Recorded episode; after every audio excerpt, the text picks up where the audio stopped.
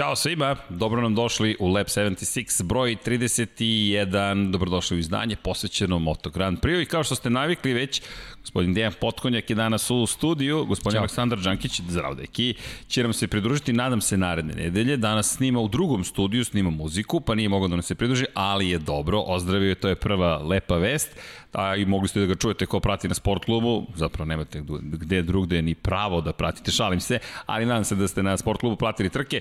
Džankić, gospodin Džanki Baby je spreman, zdravije i pridružit će nam se, međutim ono što je glavna tema današnjeg podcasta, pored toga ko je sve tu, a Deki je već deo standardne postave, jeste velika nagrada San Marina i Rimini u Moto Grand Prix. Imamo i ti osmehe i obavit će onaj standardni uvod, dakle, ko je pobedio, ko je prošao kroz cilj, ko je gde u šampionatu. Međutim, deki, ajde da krenemo od emocije. Kakav je tebi osjećaj posle ovog vikenda? Kako si se osjećao u nedelju i danas, evo, ovo je sreda je, kakav ti je osjećaj kada reč o MotoGP-u? Pa, znaš kako, bilo je jako neobično, tri nedelje nemamo trke. Posle svega onoga što se dešavalo na ovaj početku sezone, ove, ove skraćene, i onda dobiješ Mizano, dobiješ Muđelo, dobiješ svašta sve, sve nešto. jednom, da, da, da. I, I ne znaš šta ćeš prije da gledaš u smislu ako nisi pratio trku, pa kad znaš ishode, shvatiš stvari da su sve trke bilo fenomenalne i stvarno bilo strava, bilo je super, tako da ovaj, bez obzira na ko je pobedio, šta kako, sreća, sve, sve je prošlo onako kako treba da prođe, ja sam stvarno uživao baš i bilo super. Bilo je intenzivno, blago yes, rečeno, i to sve tri kategorije, međutim, mi ćemo krenuti naravno od kraljevske kategorije i velike pobede Franka Morbidelija za početak, čisto da ispoštujemo i da, da za sve one koji slušaju, podsjetimo naravno, ali imat ćemo i grafike, ja se nadam, za dve nedelje da bi to trebalo da krene, dakle, unapređujemo dalje i, i Lab 76 Galaxy studio, ali Franco Morbidelli na Petronas Yamaha, Petronas Yamaha je nezaustavljiva, ili je Fabio Quartararo pobednik, ili je Franco Morbidelli, i ispred Francesca Banjaje na Pramak Ducatiju, zatim Joan Mir na Suzuki u fabričkom, Valentino Rossi.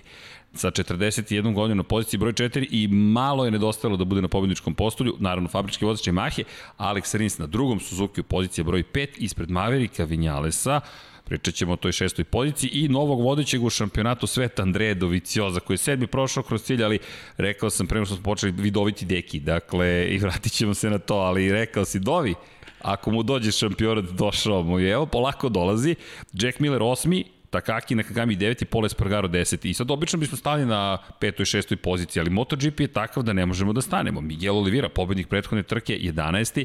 Brad Binder, pobednik iz, sa velike nagrade Češke u Brnu 12. Aleš Espargaro 13. na april i zatim Iker Lekona i Joan Zarko.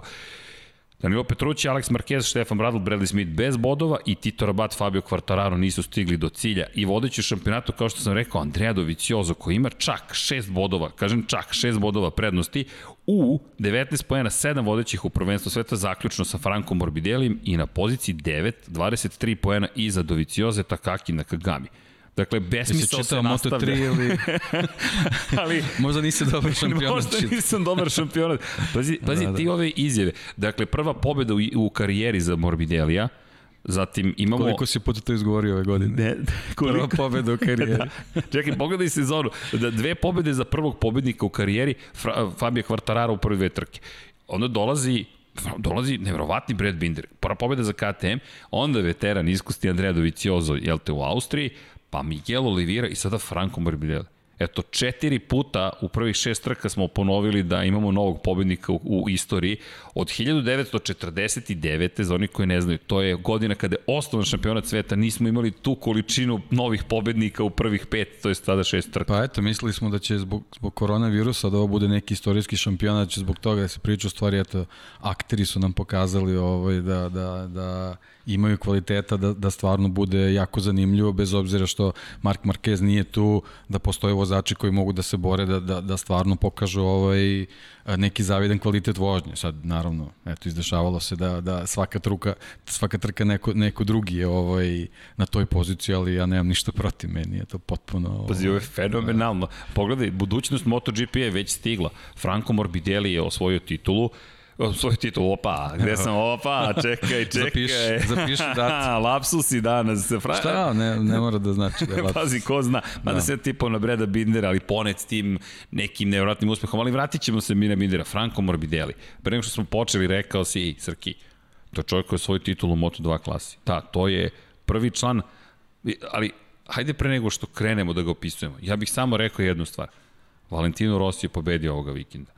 Valentino Rossi je meni najveći pobednik ovoga vikenda, iako je pretrpeo jedan od težih poraza u borbi za plasno pobjedičko posle. Deki, pričamo, pričali smo već, 9 titula, 115 pobjeda, 41 godina, boriš se s klincima, u malo nije došao 200. postolja pobedničkog Moto Grand Prix-u izgubiš u poslednjem krugu protiv fantastičnog Joana Mira, klinca koji je rekao, izvinjavam se, žao mi je Rosija posle trke, ali on je za mene bio samo predmet. Ali zašto smatram da je pobednik?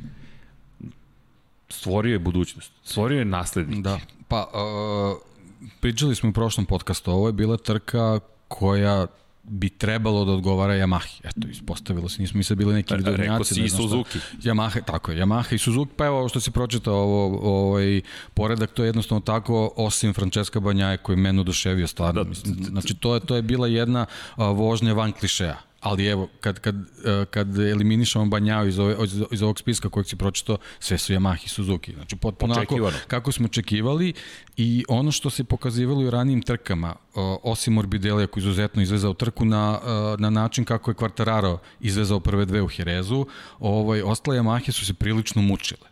I to je možda i taj jedan detalj koji Rossi ovoga puta o, jednostavno nije, nije mu dozvolio da ostvari cilj koji je planirao. E, videlo se da se zaista, zaista je na limitu bio na tom yes. motociklu i eto jednostavno jedna sitna greška mu je oduzela taj podijum, ali jednostavno to je MotoGP, da, to je MotoGP. Svi, svi voze na tom limitu, da, da, da je Rins možda prethodni krug malo bolje odvezao, Mir ga ne bi obišao i možda ne bi došao situacija napadne Rossi, ali jednostavno to su ti detalji koji, koji ovaj utiču na, na, na, na te poredke, žao mi je Rosija naravno, ali mislim da nema razloga da on za čim žali, mislim stvarno to. bilo Ja i dalje verujem, izvini, da je on zaista da. pobednik. Dakle, on je rekao kada su ga pretekli Francesco Banjaja i Franco Morbidelli, koji su njegovi to klinci. To su njegovi klinci, tako. I rekao, ko je osmislio ovu akademiju? Pa ti si osmislio i on to vrlo dobro ne, zna. Ne, to je, to je, mislim, sjajna stvar, on šalu na stranu, da, kao, eto, oni su mu zagorčali život. zagorčali su mu život. za vikend, ali jednostavno, to je, to je nešto na, na, na, na čemu treba da se bazira generalno sport, ne samo automotosport. Znači, ako si iskusan, ako si u prilici,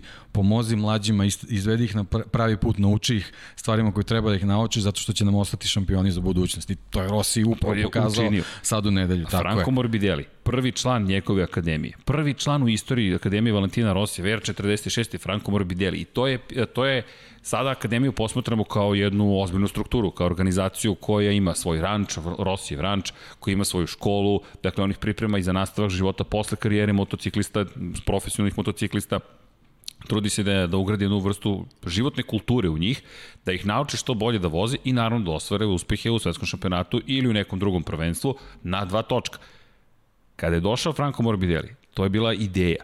Sve kreće od ideje. Naravno, to, to svi ih imamo, ali ta realizacija, Rossi je angažovao Morbidelija, klinac koji je 2013. On je i pričao o tome, pre, pre 7 godina sam ovde vozio italijanski superstok šampionat, sad sam na vrhu sveta i uzeo ga je pod svoje, Morbido je bio prvi, Franki je prvi, taj momak, oni su bili usamljeni, njih dvojica su učinili akademiju celu, usamljeni, naravno uz, uz prijatelje, i Morbidelli koji osvaja titulu pre tri godine u Moto dvojkama, Banjaja godinu kasnije, Francesco je već postao deo te ekipe u kojoj su i Luka Marini, i Marko Beceki, i Andrea Minjo. Dakle, veliki broj italijanskih vozača koji sam tek sad samo spomenuo usput, Celestino Vieti takođe, Nikolo Bulega koji je došao i otišao, Lorenzo Baldassari došao i otišao tako dalje. I ti imaš Rosija koji gubi dve pozicije, John Mir nije član njegove akademije, ali deo te nove generacije, ali ti završaš na mestu, trebalo bi bude srceparajući trenutak, međutim ti imaš proslavu u moto dvojkama, tvoj polubrat, brat de facto, rođeni brat, ti je pobedio u sred Italiju, u sred Mizana, ti malo nisi na pomničkom postoju ili imaš neku svoju novu decu i to je ono što mene oduševljava, da si ti toliko velik da kažeš, e, okej, okay, stvorit ću i naslednike, jer to često kažu da je merilo velikog menadžera, ti si pričao o tome šta mu je mudri dalje menadžer ili vozač, ali evo kao menadžer je uspeo tokom pa, nedelje. Da, to je, to je ono što smo pričali, jednostavno zašto on nije, nije na nekom vozačkom nivou u ovom trenutku kako je bio ranije, osim što ima godine, koliko ima upravo to. On, on zaista vodi računa o mnogo stvari, ja jednostavno ne, ne mogu da verujem da tu postoje samo neki ljudi kojima on pre, prepustio da to radi. Znači ja sam siguran da je on ovaj, u, u, u svakoj, svakoj pori ovaj funkcionisanja te njegove Početak kompletne priče. Trke, kraj, Tako je i ono što tu. mene ovaj isto fascinira, naveo si sve te momke, ti e, u njegovom ponašanju ne možeš uopšte da zaključiš da se bilo ko od njih favorizuje na bilo koji način. Da upravo Franco Morbidelli je prvi koji je ovaj, započeo tu priču s Valentinom Rosijom i, i ti bi nekako emotivno trebao da, da, da vidiš kao da je Rossi možda, da mu je draže što je on nešto uradio odnosno drugi, ali to jednostavno nije tako. Oni su svi njegove deca, što bi pevači rekli kad ih pitaš za omiljenu pesmu. Da, da, ne, oni su, oni su jednostavno, mislim da, su, da je potpuno jednak tretman i to se vidi po njihovim rezultatima. Znači nisu dovedeni u tu akademiju da bi neko bio forsiran ili ne, nego jednostavno svi dobijaju iste uslovi i oni to koriste na najbolji način i to se vidi. I u ponašanju i, i, i u performansama na stazi i svemu. I meni ono što je fascinantno, kada pričamo o tome i zaista namerno krećemo odatle, Franko Morbidellić je, je deo te priče, zato je ovo uvod nekako i u Franki i sve što je učinio.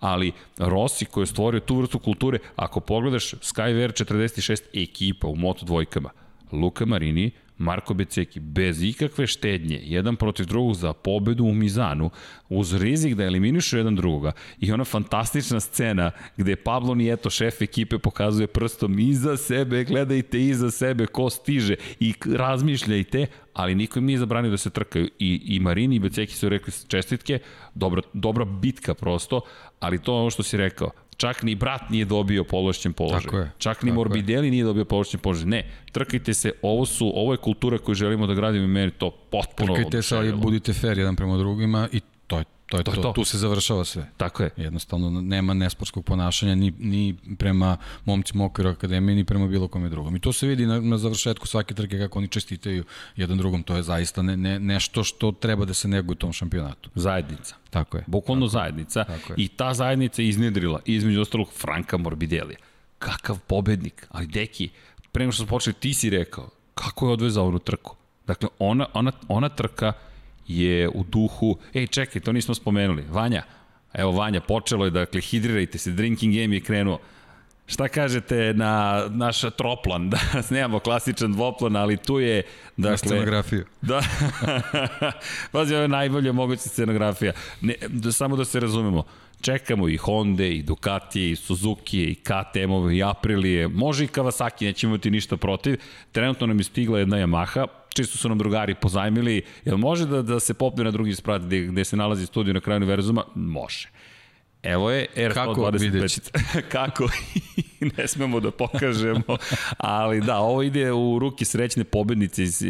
Ako se ne varam, mislim da, da, da, da, da, da, da, da, da je već završena igra, ali ovo nije naše. Dakle, pozemljeno je, čuvamo, ne brinite.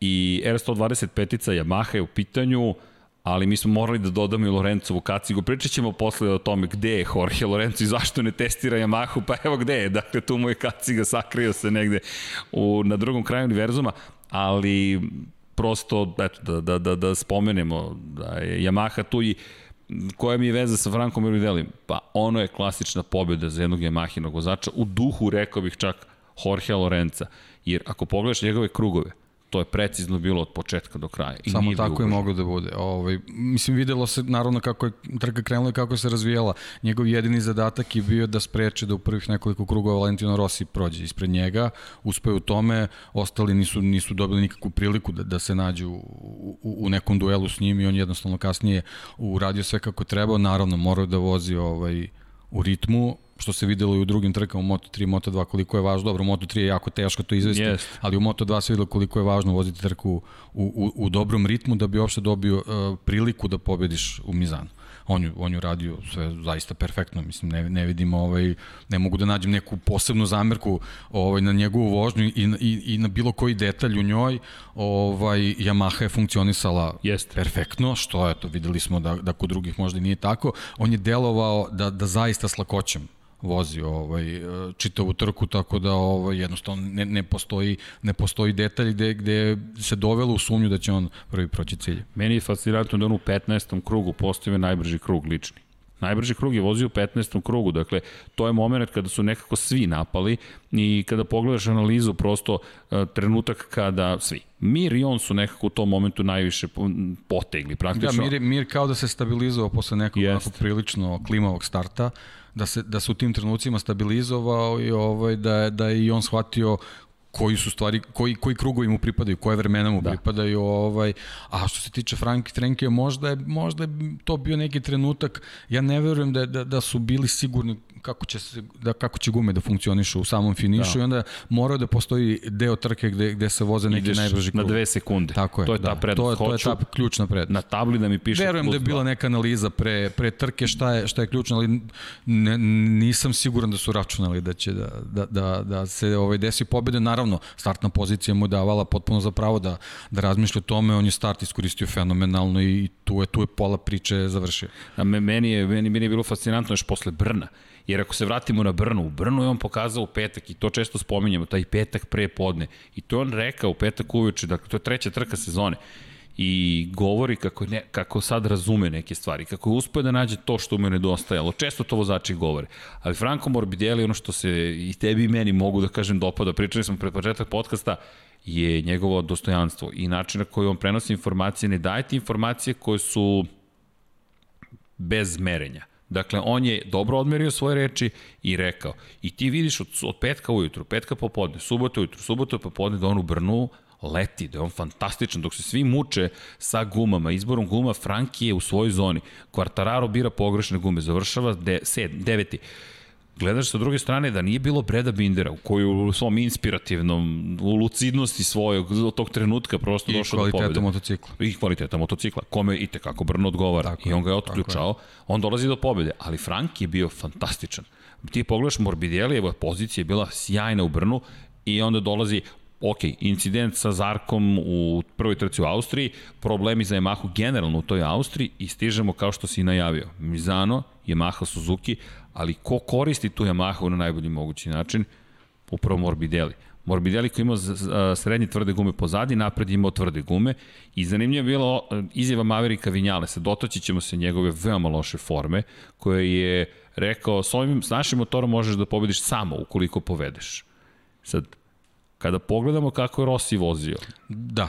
ne mogu da, da se složim nužno sa da, Vinjalesom izjavom. Je, tako I ako pogledaš, Rossi je pokazao da je Maha može i u zavetrini, da ide veoma dobro, ali Vinjales ima neki problem koji ne može da reši, međutim samo ne bih da da, da, da, da, da, da se svede na to Morbidelli pobede zato što je poveo i onda je Yamaha savršeno funkcionisala. Rossi je pokazao da Yamaha može da funkcioniše i ovo svodim bukvalno na Morbidelli i, i tu fascinantnu formu koju imao i ko pogledaš krugove, on zaista do, do kraja trke nije stao. Sve, pa da, deli, deli čisti na onome što je, što je Vinjales rekao, da, ako, ako povedeš, možeš da pobediš, to je i Rossi probao da uredi. Jeste, I, on je i napadao, stoji, napadao. I to stoji, ali definitivno, aj, vratit ćemo se poslednje Vinjalesa, nije dovoljno da budeš dobar u kvalifikacijama, to se mnogo puta pokazalo. Ko je imao pol poziciju?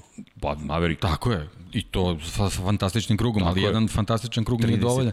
Treba, treba imati 20 i nešto dobrih krugova. Ne, mora, ne moraju svi da budu fantastični, ali mora, moraš da budeš u nekom tempu koji on nikako ne može da pronađe. Ali vratit ćemo se na njega. Ja bih se samo dotakao ovoga što si rekao vezano za Morbidelli, što je možda njegov kvalitet, možda bi sad trebali malo više e, pažnje da obratimo na to, da bismo ga analizirali u nekom kasnijem periodu. A, svi su se u Brnu mučili sa izborom pneumatika, on je uspeo da odabere Jeste. prave. To se izgleda desilo i ovde. Pričali smo, Mizano je bio jako specifičan zato što je bila nova podloga i, Jeste. i uh, stigli su novi kompleti guma očigledno da, da je on uspeo da, da tu pokaže neki svoj kvalitet, da tu nađe dobru meru i verovatno je to rezultat njegove dobre performanse na samoj trci. Da podsjetimo, četiri prednje gume su bile. Dakle, imali smo meku, srednje tvrdu, tvrdu i tvrdu asimetričnu. To smo i pričali u podcastu. Dakle, da će taj izbor gume biti veoma značajan. Pozadi meka, srednje tvrda i tvrda. Ako pogledamo kombinaciju tvrda napred, srednje tvrda pozadi kod Morbidelija, je, makar u njegovim rukama delovao kao pobednički izbor. Rossi kao druga plasirana je Maha, četvrti u trci, poz, napred srednje tvrde, pozadi srednje tvrde. Maverick Vinales, srednje tvrde napred i tvrde pozadi. Dakle, potpuno suprotno onome da, što Morbidelli učinio i Na kraju jedini čovek koji je ispratio to što je radio Morbidelli, tvrda napred, srednje tvrda pozadi, Fabio Quartararo je izletao sa staze to dva. Da, dobro, to je možda bila ne, neka timska kombinacija, jer verujem manji timovi ipak uh, verovatno uh, se uh, vode uh, zaključcima, uh, kako bih rekao, bržeg motociklista u tom trenutku. Tako da moguće da su oni došli do, do toga da zbog same specifičnosti podloge uh, funkcionišu na isti način, ali ne, ne ali, mora da znači, ali, jednostavno nije... Ali ni Quartararo to Tako nije pomoglo. Quartararo da. se zaglavio i Quartararo je rekao da, da se Vinjales dosta agresivno branio. Quartararo Kvartarara isto moramo da se dotaknemo, dotaći ćemo se iz konteksta šampionata sveta, pa i toga da je klubski kolega Franka Morbidelli. Morbidelli je doveden u ekipu Petronas, nemoj zaboraviti, Franko Morbidelli je iskusniji vozač. Dakle, iako se gleda mnogo Fabio i trofejni, tako je. Dakle, ključnu reč. Volim, volim kad, kad si tu, dakle, čovek od vrlo preciznih reči. Ne, zaista, obožavam kada, kada pričamo, kada komuniciramo stvarima. Ako pogledaš, on ima titulu u Moto2 klasi. Da, prva pobeda u karijeri jeste iz Moto2 kategorije. Te 2017. kada je bio dominantan.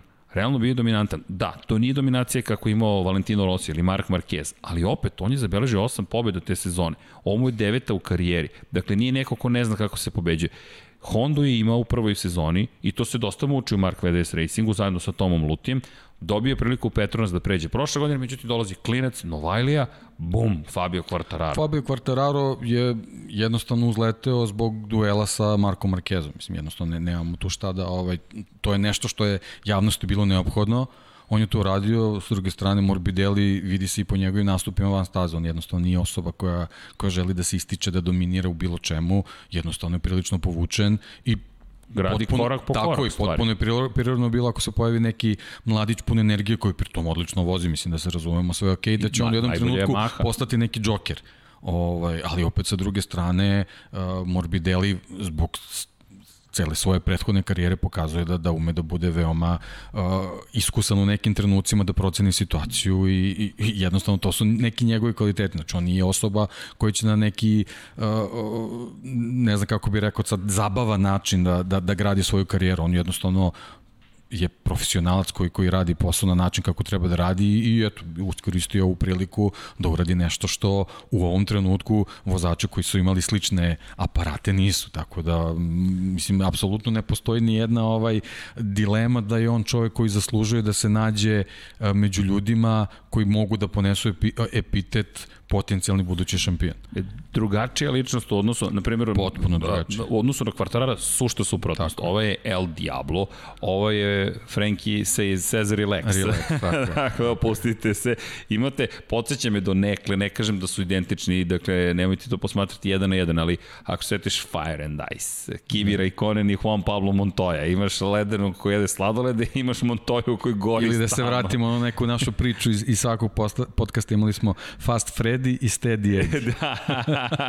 tako da, to tako je, to je, to neko, neko, neko odlučuje da, da, da svoju karijeru i pobede i titule gradi na neki način, hoću sad i hoću sve, drugi to rade na neki način kao što očigledno i Andreja Doviciozo radi. Do, do, čekaj, čekaj, Tako to je, znači, tek... To postepeno, to, polako, tiha voda breg roni, očigledno. Mislim, Frenki, e, kako bi rekao, njegova pojava ne, ne odaje takvu osobu, on, on definitivno, on je definitivno čovjek. tako, tako. Vrlo da, dostojanstven čovjek i kao što si rekao, povučen. Ako pogledamo i, i ako pogledamo generalno zvezde, postoje te zvezde koje su zvezde, rođene zvezde. Valentin Rossi je rođena zvezda. On je čovjek harizmatičan toliko da šta god da je radio u životu, on bi bio popularan. Ako ništa drugo, bio bi popularan. Imate ljude poput Casey Stonera koji ne žele pažnju. On će biti sjajan u onome zašto se opredelio, ali ga nećete videti jer neće želeti da se vidi. I kada ga terate da se pokazuje zašto je otišao iz, iz šampionata, njemu je najveći problem i kod Ducatija pogotovo su bile promotivne akcije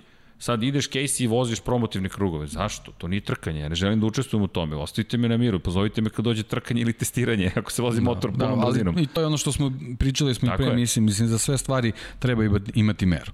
Znači, Bravo. ok je, ok je ovaj, kad neko shvati da treba imati promotivne aktivnosti, ali u tome ne treba preterivati, a opet s druge strane ne možeš ni to sve da ignorišeš, jer da nema tih promotivnih aktivnosti, ti ne bi bio tu gde si. Tako je. Znači, sve nema mora, tima. tako je, sve mora da se dozira. I to, to je taj lepi tako balans. Je, tako to je taj lepi balans koji kod Franki Morbidelli ima. Ja e sad, mislim da, da, da, da kod to njega smo, to postoji. Ja baš pričali, da, ima da. to. E sad, samo šta je tu, šta je tu drugačije, šta bih rekao kod, kod Franka Morbidelli? On je svestan. On je vrlo svestan čovjek, razuman čovjek, analitična osoba, neće nikada biti poput kvartarara, ali mislim da može da bude savršeni miks upravo osobe koja je svesna šta se događa, da je neophodno da radi određene stvari, međutim neće preterati. I, i, i Franko Morbidelli zaista je fenomenalno. Da, on samo ima tu neku, izvini, ovaj, ne, samo, da, samo da, da mi ne, ne pobegne misa, ovaj, on ima a, tu karakteristiku, ali to je ona, ona tanka linija, jer zbog njegove mirnoće, mislim, vidio si ga mnogo puta i u padoku, van trka, a, preti da deluje, da, da izgleda kao da je arogantan ili ne zainteresovan. Tako je, a u stvari jednostavno nije tako, on je, on je jednostavno čovek, ne može se reći ni flegmatičan, mislim, ne bi se a... bavio ovim sportom da je tako, tako on jednostavno, on, on je jednostavno čovek koji, koji će sve svoje zadatke ispuniti, ali ne pravi pomp od toga. I to je, to je taj neki problem koga ne poznaje, pomisli da je neka arogancija u pitanju, ali očigledno da nije. Vidi se izjava posle trke gde me oduševio stvarno. Yes. Znači, to je tako odmereno bilo be, bez neke euforije, sad onako na silu, jednostavno neću to da radim zato što nisam takav. Ne, ne, on, on je svoj. Ali tako ako je. Mislim, ja verujem njemu je srce htelo da iskučalo. On jednostavno nije, nije osoba koja će sad da, da preskače one ograde tamo i da skače i da se grli i ljubi. Jednostavno on to ne radi. Šta smo I on rekli? nikad to neće raditi. Šta smo rekli prošli put, kada, ili pretprošli, kada Dorna tera nekoga da bude kopija nečija to uvijek ispane loše. Kao što su Lorenza terali da bude kopija Rosija, pa je izvodio sve što je izvodio. Ne, Lorenzo zabode svoju zastavu, Lorenzo Zland, osvojio sam teritoriju i ćao. I to je super. Rossi je Rossi, Marquez je Marquez, Morbidelli, Morbidelli, Stoner i Stoner i svako treba da bude svoj. Ali između ta dva polariteta, dakle između jednog Valentina Rosija koji je showman, rođeni, on prosto, ja mislim da njegov dan će biti spektakularan zato što je takav, kao što će povučen biti Stoneru, i imaš negde između je Morbidelli. Konačno njega je podučavao Valentino Rossi, Rossi ga nije izabrao tek tako, tako da bude ni, ni, I očigledno nije želeo da mu nametne nešto što tako prirodno je. ne pripada Morbidelli. Budi svoj. Budi svoj budi brz na stazi, ali budi da. svoj. Ali to je negde i filozofija koju imao Stoner, samo što slažem se iz, iz tog ekstrema, dakle da, da kada odbiješ sve promotivne aktivnosti, to može zaista da bude problem. Ali, apropo Fra Franke Morbidelli, eto da, još jedan drinking game. Dakle, kad god kažem apropo, to je hidrirajte se. da, primetio sam. dakle, da, živjeli, evo, idemo malo vode za... Mm. Pijte vodu. Evo ja pijem iz tamne strane. I like my coffee on the dark side. Pa dobro, ovo nije kafa, ali nema veze. Dakle, kada govorimo o, o Morbideliju, zaista je fenomenalno bilo videti m, taj njegovi napredak i uspeh i ono što si lepo rekao, dakle ta, ta izjava na kraju trke koliko je bila kulturno dostojanstvena i, i, i hoću da se dotaknem jedne teme, pričali smo i pred početak potaska koja smatram da je veoma značajna, Franki Morbidelli je imao posebnu kacigu, Imao je kacigu inspirisanog filmu Spike Lee-a, dakle Do the Right Thing, u kontekstu prosto antirasističkih poruka i, i protesta koji se odvijaju širom sveta. Međutim, šta me je oduševilo? Je ovde sad nekako pričam o onome što smo, što smo spominjali pred početak samog podcasta. Poruka na koju je, način na koji je poslao poruka je opet u tom duhu Frankija Morbidelija. Dostojanstveno. Tako je. Tako je, ovaj, mislim jednostavno sad je, sad je neko, neko, neka globalna situacija vezana za, za te ovaj, kako bih rekao, ne, ne znam uopšte kako bi to uh, definisao da ja ne zvučim ovaj, nekako ekstremno i drugačije, jednostavno ovaj, uh, antirasističke poruke su potrebne, jednostavno to, ta, ta stvar mora, mora da se iskoreni, ali a, i tu treba imati meru, jer a, a, neki načini, sad ne moramo sve da imi, imenujemo, a ti ćeš reći ovaj, ako ima potrebe nešto da se kaže, jednostavno mislim da može da bude kontraproduktivno. Ono što je Morbidelli uradio na trci, a pomogle samim tim što je pobedio u pravom trenutku, znači sve, sve potpuni tajming bio ovaj, idealan, ovaj, on je sve uradio sa merom i jednostavno njegova, njegova poruka će uh, zazvučati na pravi način. Ja ću da uporedim, dakle to je ideo mog posla. Dakle imali smo Luisa Hamiltona i Franke Morbidelli. Istoga dana šalju suštinski istu poruku, borba protiv rasizma. Kod Hamiltona ima jedan dosta ekstreman primjer. Dakle, odmah da se razumemo, poruka je odlična, antirasistička. Da, dakle, nema zbora. Mislim, pričamo da. o tome. Boje, nacije, religije, državnosti, to ne treba da deli ljude. To treba da opiše da se po nečemu razlikujemo i da prihvatimo međusobne razlike i da nađemo zajedničke vrednosti i kulturu. Ali, način na koji prenosiš poruku takođe je važan, jer možeš doći do kontraproduktivne situacije. Dakle, iz jednog ekstremnog i, kažem, ja ću, ja ću bukvalno biti taj koji će, koji će da imenuje i Hamiltona i Morbidelija. To su naša dva pobednika iz prethodnog vikenda. Morbidelli šalje jednu vrlo snažnu poruku, ali jasnu takođe poruku u kontekstu vrednosti, ljubavi, šta možemo, do the right thing, uradi pravu stvar. Hamilton, s druge strane, da šalje jednu dosta ekstremnu poruku. To ne znači da je poruka da je ono što želi da prenese loše, naprotiv. Ekstremno i direktno, što je pozitivno. Da, tako je. Poruka je direktna. I on da. je skrenuo pažnju na Brianu Taylor, dakle to ime i prezime treba da se zna, inače umeđu vremenu je je rešeno da biće isplaćeno jednoj porodici 12 miliona dolara kao odšteta, ali ljudski život ne može niko da vam plati. Je... Uvijek ću da izaberem ljudski život umesto 12 miliona dolara. Šta ću da tih 12 miliona dolara kad sam izgubio voljenu osobu? Međutim, to je neka vrsta finansijske kompenzacije, ali čemu je poruka? Čemu je pojenta? Hamilton koliko god da se trudi da prenese određenu poruku, gotovo da ide u jedan ekstrem koji stvara kontraproduktivne rezultate. To je ono što je opasnost. To ne znači da ga kritikuju zbog onoga što radi. Ali bilo bi super kada bi mogao da da, da, da nađe način, da prenese poruku, a smanji polaritet. Jer mi stalno pričamo o tom, toj polarizaciji svetova, dakle crno-beli svetovi i sad izvinite što zvuči ta tako, ali ne delim na taj način. Ajmo da pričamo o kojoj podeli, dakle, mm, neću čak ni pozitivno negativno, leva, desna, gore, dole, birajte koje god hoćete strane. Stalno smo na suprotnim stranama, ili si s nama ili si protiv nas i to smo pričali uče Pavleja.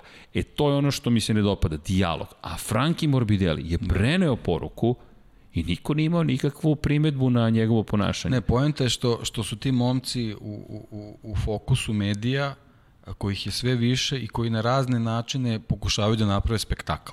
I onda ti ako na pravi način ne pošalješ svoju poruku, uh, može biti... se pretvoriti u neki spektakl koji je potpuno nepotreban celom tom pokretu ili kako god, se, kako god se to zvalo. Sećaš se kako je bilo na početku kad je krenula cela priča sa, sa ovaj klečanjem. Uh, da, u, u NFL-u.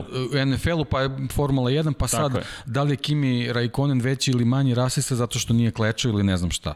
Znači, osoba koja je potpuno ispravna, koja ima potpuno ispravne poglede na svet i odjednom se našao u nekom fokusu koji je potpuno nepotreban. Zašto? Zato što to ne radi, što si ti rekao, ili na neki crni ili na neki beli način. Nego jednostavno gore, dole, levo, desno, da sad da, da, da to, ne, ne stavljamo boje u... izbor, tako, tako je. je. Tako je, nego jednostavno, znači, neko ko potpuno ispravno gleda, ko, ko potpuno stoji na, na, na, na strani ispravnog, odjednom se našao na nekom stubu, ne mogu da kažem strama, nego nekom stubu gde se ispituje da li to što je uradio treba tako da bude. To je potpuno nepotrebna stvar. E, to je ono što je, što je Franki uradio na pravi način, da je apsolutno niko nema šta da mu zameri, a može samo da, da, da, da, da, mu, da mu dopre do mozga poruka koju on poslao. Uradi pravu stvar. Tako je, Kakva tako poruka, je. pri čemu je jasna antirasistička poruka, imaju celu kacigu inspirisanu Spike Lee filmom I, I ako niste pogledali film, pogledajte film. Vrlo je zahtevan film o, o Njurku i situacijama u kojima se nalaze ljudi koji, i sad, mi ne pripadamo grupi ljudi koja može da razume u potpunosti taj protest. Prosto nisam osta, odrastao niti u Sjedinim američkim državama, niti u društvu u, u, u kojem mogu da kažem, ljudi, znam šta im se događa i kako im se događa. Ja to ne znam. Dakle, ne poznajem to, ali... A kada... dobro, znali, ne znali, mi jednostavno takva stvar je za osudu, jednostavno ne treba da Tako da postoji. Je. Tako I, je. I to je to. Ali ono što, to je to. Šta, šta hoću da kažem, ne mogu da razumem, ali mogu da razumem da to nije u redu. Dakle, ne mogu da razumem od početka da kako se neko osjeća jednostavno u toj situaciji, u toj vrsti života. Ali kada takvi sportisti skreću pažnju, ni mi nećemo da pobegnemo od te teme, jer nekako kao Naravno, da... mislim, između oslogi to jeste njihova uloga, Tako mislim, je. ne treba da beže od toga, ali jednostavno to ne treba da, da se prebacuje u neke spektakularne nivoje i vode, jer nema potrebe za tim. To A, je ozbiljna životna stvar. Tako je. I ono što smo pričali, studio na kraju univerzuma, mi volimo, dakle, da pre svega lepe stvari, ljubav, verujemo u te stvari, to su neke vrednosti koje mi hoćemo propagiramo, nema osude nikoga, ako već sudimo, rekli smo, možemo po postupcima, ne po izgledu ili pripadnosti, bilo čije, bilo kome, bilo čemu. I, i, i to ono što, što mislim da da, da je pozitivno šta se postiže, ipak se o tome priča. I to je neophodno pričati i izgovor nije pa događaju se druge ružne stvari. Da, događaju se mnoge ružne stvari, u ovom momentu fokus jeste između ostalog na tome, ali bit će fokus i na drugim stvarima u kontekstu toga šta se sve događa na celoj planeti Zemlji, ali da ne odemo predaleko, dakle Morbidelli, dakle i mi ćemo se baviti time da pokušamo da unapredimo zemlju na, na vrlo konkretne načine, ali pratite to sledeće nedelje, ukoliko sve bude okej, okay, stiže nam jedna cela akcija koju ćemo u dobrotvorne svrhe pokrenuti upravo to. Ajmo mi da promenimo svet na naš mali način. Kod Morbidelija, Hamiltona možda je to veći način, ali, ide, ali je to prava stvar da se uradi, da, da citiram Morbidelli. Ali mene ono što je tu oduševilo jeste što je i u tome pokazao neku vrstu veličine i dostojanstva. I to je nekako mi mnogo porasto u očima Franki Morbidelli i, i zaista zato mu i dajemo toliko i, i vremena i pažnje. Mene podsjetio, možda preterujem, spomenuo si pre, pre podcasta drugo vreme, na Muhameda Alija me podsjetio da je, jer Ali je bio vrlo vokalan, glasan je bio, ali takođe neke stvari radio na vrlo jedan specifičan način, ne poredim ih jedan na jedan, ali mi je Morbidelli iz te perspektive neko ko bi mogao da bude vrlo ozbiljan glas iz te perspektive. Tako je, ozbiljan glas u, u, svemu tome, a sami rezultati na stazi će doprineti da to što on, on izgovori ili poruči dobije na, na težini. Pa da, i to je ono što je ključno, rezultati na stazi. A rezultat je da. bio, kao što smo rekli, da, spektakularan. Ne, nesporno spektakularan ovaj, i mnogo mi je drago što se to desilo Mizanu, naravno žao mi je što jednostavno eto, te tribine ponovo nisu bile ovaj Da, da. Koliko, koliko, da, da. Da, da, koliko, koliko je on stvarno, stvarno ovaj, loša stvar što to nije bilo s druge strane. Zbog Rossi je bilo super zato što ovaj, videli smo koliko Ali se čekaj, žutelo, ono, da ono malo kažem, ljudi da. koliko se žutelo. dakle, Kako bi bilo da je... 9900 da. ljudi i bilo je sve žuto. I da, da, sediš stvarno kao, fascinantno izgleda. da li je moguće? da. I kao da. tražim neku drugu Mora boju. da su preko veze dobili mesto. A dobro, da. ako će negde da. biti, onda će to biti u Mizanu. 20 km km od kuće, ali imali su čemu da se raduju, bez obzira, opet vraćamo se na početak i dovodi nas do Fran Francesca Banjaje. Francesco Banjaje, to Franki i Francesco, dakle, na Ducatiju, i to sa mekom zadnjom gumom je odvezao jednu od najboljih trka. Prvi put u karijeri na pobjedničkom postolju. Ducati, meka zadnja guma i rovita noga. Mislim, čovjek je posle trke izjavio da bi u ozbiljnim bolovima Tako da svaka, svaka, promena, svaka promena pozicije motocikla je za njega bila bol, tako da svaka mu čast zaista, posebno što je bio najbolji u Ducatija, gde smo definitivno videli da, da nisu favoriti za pobedu, on, on, on je bio, eto, mislim, ne možemo kažem nadumak pobede, pobede ali jednostavno uh, ono što smo mi videli na ekranu, jednostavno nismo mogli da, da, da, da dobijemo bilo kakav utisak da on ima neki problem. Tako da zaista svakom čast. I nije ga čak ni spomenuo po završetku trke odmah. Dakle, u zatvorenom parkištu nije pričao o bolu u no, da, nogama, ne, da, u nozi, da. već je rekao samo iznao, iznao sreću, koliko je srećan da. i To je adrenalin još radio da. svoje, tako da kad je on spao, je onda, onda je... Ovaj, onda je bol, onda se onda bol vratio. Onda je krenuo bol, da, ali zaista svakom čast, mislim, zna se koliko je taj Ducati nezgodan i, i težak da ti u, u, u takvoj ovaj, situaciji se i vratiš u formu pre svega, da, da, da na jednoj tako zahtevnoj stazi onako izvezeš trku zaista svaka čast. Ali vidi, ako pogledaš stanje u šampionatu i ako pogledaš gde šta je uradio do dolaska u Brno, dakle, zanimljivo je i Morbidelli je otkazao motor u Herezu i, i Banja je otkazao motor u Herezu. Dakle, i jedan i drugi su možda mnogo ranije mogli da postignu neke stvari. Morbidelli u prvoj trci bio peti, u drugoj ostao bez pobjedničkog postolja i Banjaja opet u, u gotovo identičnoj situaciji. Ostao bez pobjedničkog postolja na velikoj nagradi Andaluzije. Pa eto, za obojicu Kvarom. ispada da taj Herez je, im je ključan sad da, da uhvate neki priključak, ali eto, ima je jedna šansa je za, za 3-4 dana, pa... pa Pogotovo pa za Franka da, Morbidelli. A, a, a, da, ti si rekao, ej, Crki, zamisli da je završio trku u Herezu. To je 20 poena ajde da kažemo 16. Pa 20 da bodova, ali tu bi se i drugi bi ovaj drugačiji raspored bodova imali, tako da... Ali pazi, čak da. i obična matematika, da mu daš 16 poena, ili da mu daš drugo mesto, dakle da je, da je mogao da završi na drugo pozicije, ali ajde 16 poena, da kažem pobjedničko postolje, i da je bio šesti, na primjer, prvi turci u Austriji kada je imao kontakt sa Zarkom, to ti 26 poena. Znaš koji bi bio Franco Morbidelli? Prvi u šampionatu sveta prvi bi bio u šampionatu sveta. Yamaha bi imala prvo i treće mesto zahvaljujući Petronas Yamahama. Quartararo bi bio treći. Dakle, za Morbidelija velika je ta trka, ali i za Banjaju. Banjaja samo, dva, samo 29 poena ima u ovom momentu, 20 sad zahvaljujući ovom drugom mestu mi 9. Da je tada bio opet ili treći ili drugi, 49 poena, ti si već tu, ispred Oliveire i dalje igraš ne, ne, imali, bi, imali, smo, imali bismo mnogo veću grupu vozača na, na maloj razlici u poenima. Kao da nam treba. pa da, da mislim, Kao da bi, ali treba. ništa, ništa ni za njih nije izgubljeno. Mislim, još jedna dobra trka sa nekim, uh, uh, generalno dobra trka s tim da ostatak uh, karavana ostavi iza sebe, oni, oni već skaču značajno u plasmanu, tako da vidjet ćemo, mislim, ono, Imamo, imamo, imamo pakleni pa, raspored. Se. Ovaj, pa da, Sme, da, da. Pa, raspored, da. juče su vozili test, kao da nije dovoljno. 9 trku 11 nedelja, to smo pričali prošli put, i ti dođeš u, na trku u Mizanu, onda ti kažu imaš i u testu utorak koji je, mnogo, koji je veoma značajan, ne samo sada za ovo što, nas, što dolazi u Mizanu za, za tri dana, dva, zapravo kada je reč o trenizima, već i onome što sledi, a to je da. Barcelona. Da. Ali, ajde da, da, da, da, da, da, da iskoristimo tu kada smo na Ducatiju, Banjaja odvezao fenomenalno. Jack Miller je rekao zanimljivu reč, stvar, da je u 11. krivini, ta kurvone krivina, dakle, velika krivina, bukvalni prevod, da da, da, da pomenemo i to, ta 11. krivina je zaista zastrašujuća. Skoro 300 km na čas za zadnjem pravcu, blago puštaš gas, skrećeš u desno. Miller je rekao da ne razume kako Banjaja vozi tu krivinu.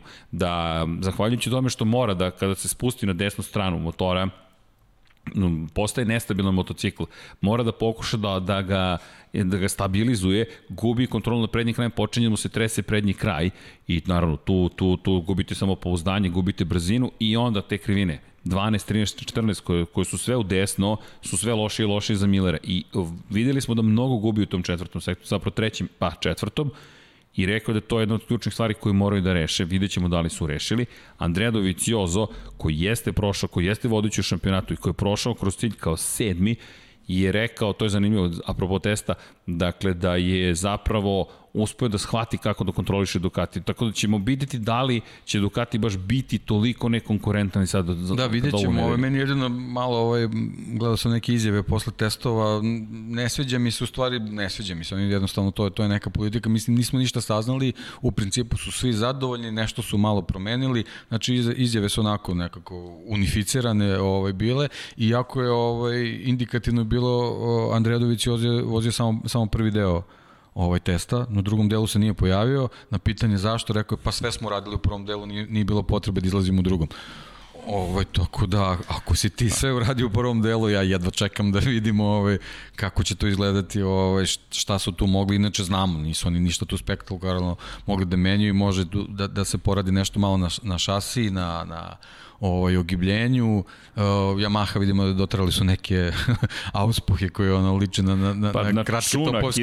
Ne znam šta je ono. da, ovaj, tako da ne znam, eto, to su te neke promene supere što su imali taj test pre svega zbog tih nedostataka treninga koji, koji su ranije bilo, tako da možda se nešto malo izmenja ovaj što se tiče ovaj drugog mizana, ali jednostavno Uh, ono što smo videli uh, na, na prvoj trci jednostavno opet govori da Yamaha Suzuki je tu sa, sa eto nekom našom znatiželjom da, da vidimo šta taj Ducati može da se promeni. KTM ne znam nekako su baš su indisponirani bili ovaj Tako da ne, ne znam koliko to, to može da se promeni za, za, za samo nekoliko dana i, i sa jednim testom. Za KTM vrlo teško, oni su baš bili da. nevidljivi i opet ni na testu nisu bili nešto pretarano impresivni i dotaći ćemo se toga za, za, gde je tu KTM, zašto KTM imao te probleme. Međutim, kada pogledaš Ducati, kada pogledaš tu činjenicu da, da je Banjaja bio toliko brz. Dakle, Ducati nešto ipak ima, ali ga treba otključati. Meni je ono što je već drugu godinu za redom vrlo značajno u celoj priči oko Banjaja u Ducatiju je prisustvo Kristijana Gabarinija. Gabarini je čovek koji radio sa Casey Stonerom i u Hondi kada su osvojili titulu zajedno i u Ducatiju kada su osvojili titulu zajedno. Ti imaš Ja, apropo, a, ok, evo mene opet sa mojim, da, ok. Dakle, dakle, a, povodom onoga što je postigao Morbidelli, ko je glavni inženjer Franka Morbidelija? Dakle, Ramon Forcada. A, dakle, govorimo o čoveku koji je sa, jel te, Jorgeom Lorencom osvojio tri titule šampiona sveta u Moto Grand Prix. Dobio je priliku da radi sa Vinjalesom, Vinjales ga više nije hteo, rekao je ne, to je do inženjera, dobio je svog čoveka, Esteban Garcia je stigao, međutim ti ga da pogledaš, o, isti problemi tamo vladaju. E, Ramon Forcada je krenuo da radi sa, sa Frankom Morbidelim, pobjeda Kristijan Gabarini krenuo da radi sa Banjajom, a drugo mesto. da, dobro, to su, to su ti neki detalji, mislim, generalno dve osobe ne moraju da, da, da, da se prepoznaju. Tako je, tako je, ako, hemija. Tako je, ako, ako je Forkada odgovarao, Lorencu uopšte ne mora da odgovara, Vinjale su pre svega zbog njegovog stila vožnje nekog nastupa da smo videli, znači Maverick Vinjales ne vozi konstantne krugove tokom trke, znači on, on ima neke svoje ritmove, Uspone svoje promene, padove, da. ne možemo da kažemo da, da je to gubitnička kombinacija, on, on je na taj svoj Osvojili stil. su titul. Osvojili su titule, čovjek je pobeđivao i u MotoGP je pobeđivao, znači sve, to može da funkcioniše. Jednostavno, on je sad pronašao vozača uh, koji može da prenese uh, uh, svoje iskustva sa, sa prethodnim uspešnim, uspešnim vozačem i ako Franco Morbidelli, ne znam sad kako bih to rekao, može da vozi u stilu Jorge Lorenza, što je jako, jako teško izgovoriti, taj, taj. ali on je sad ovom trkom pokazao da može. Znači, šta je glavna, glavna strategija? Ti moraš na ovoj trci da povedeš. Step one, to sam uradio. Šta je drugi korak? Moraš da voziš konstantne krugove. Ok, vozit ću konstantne krugove ovo jedna, jedna trka ne mora da znači da je to pravilo, ali a, dajte Franku, a, Franki Morbidelli motocikl koji funkcioniše i da vidimo da li će on moći da vozi te, te krugove. Dajte mu priliku a, da može da isproverava sve gume, sve kombinacije tokom a, treninga i vidjet ćemo da li to može da, da sprovede u delo da to funkcioniše na trci. Što se tiče Mizana, to je bilo super.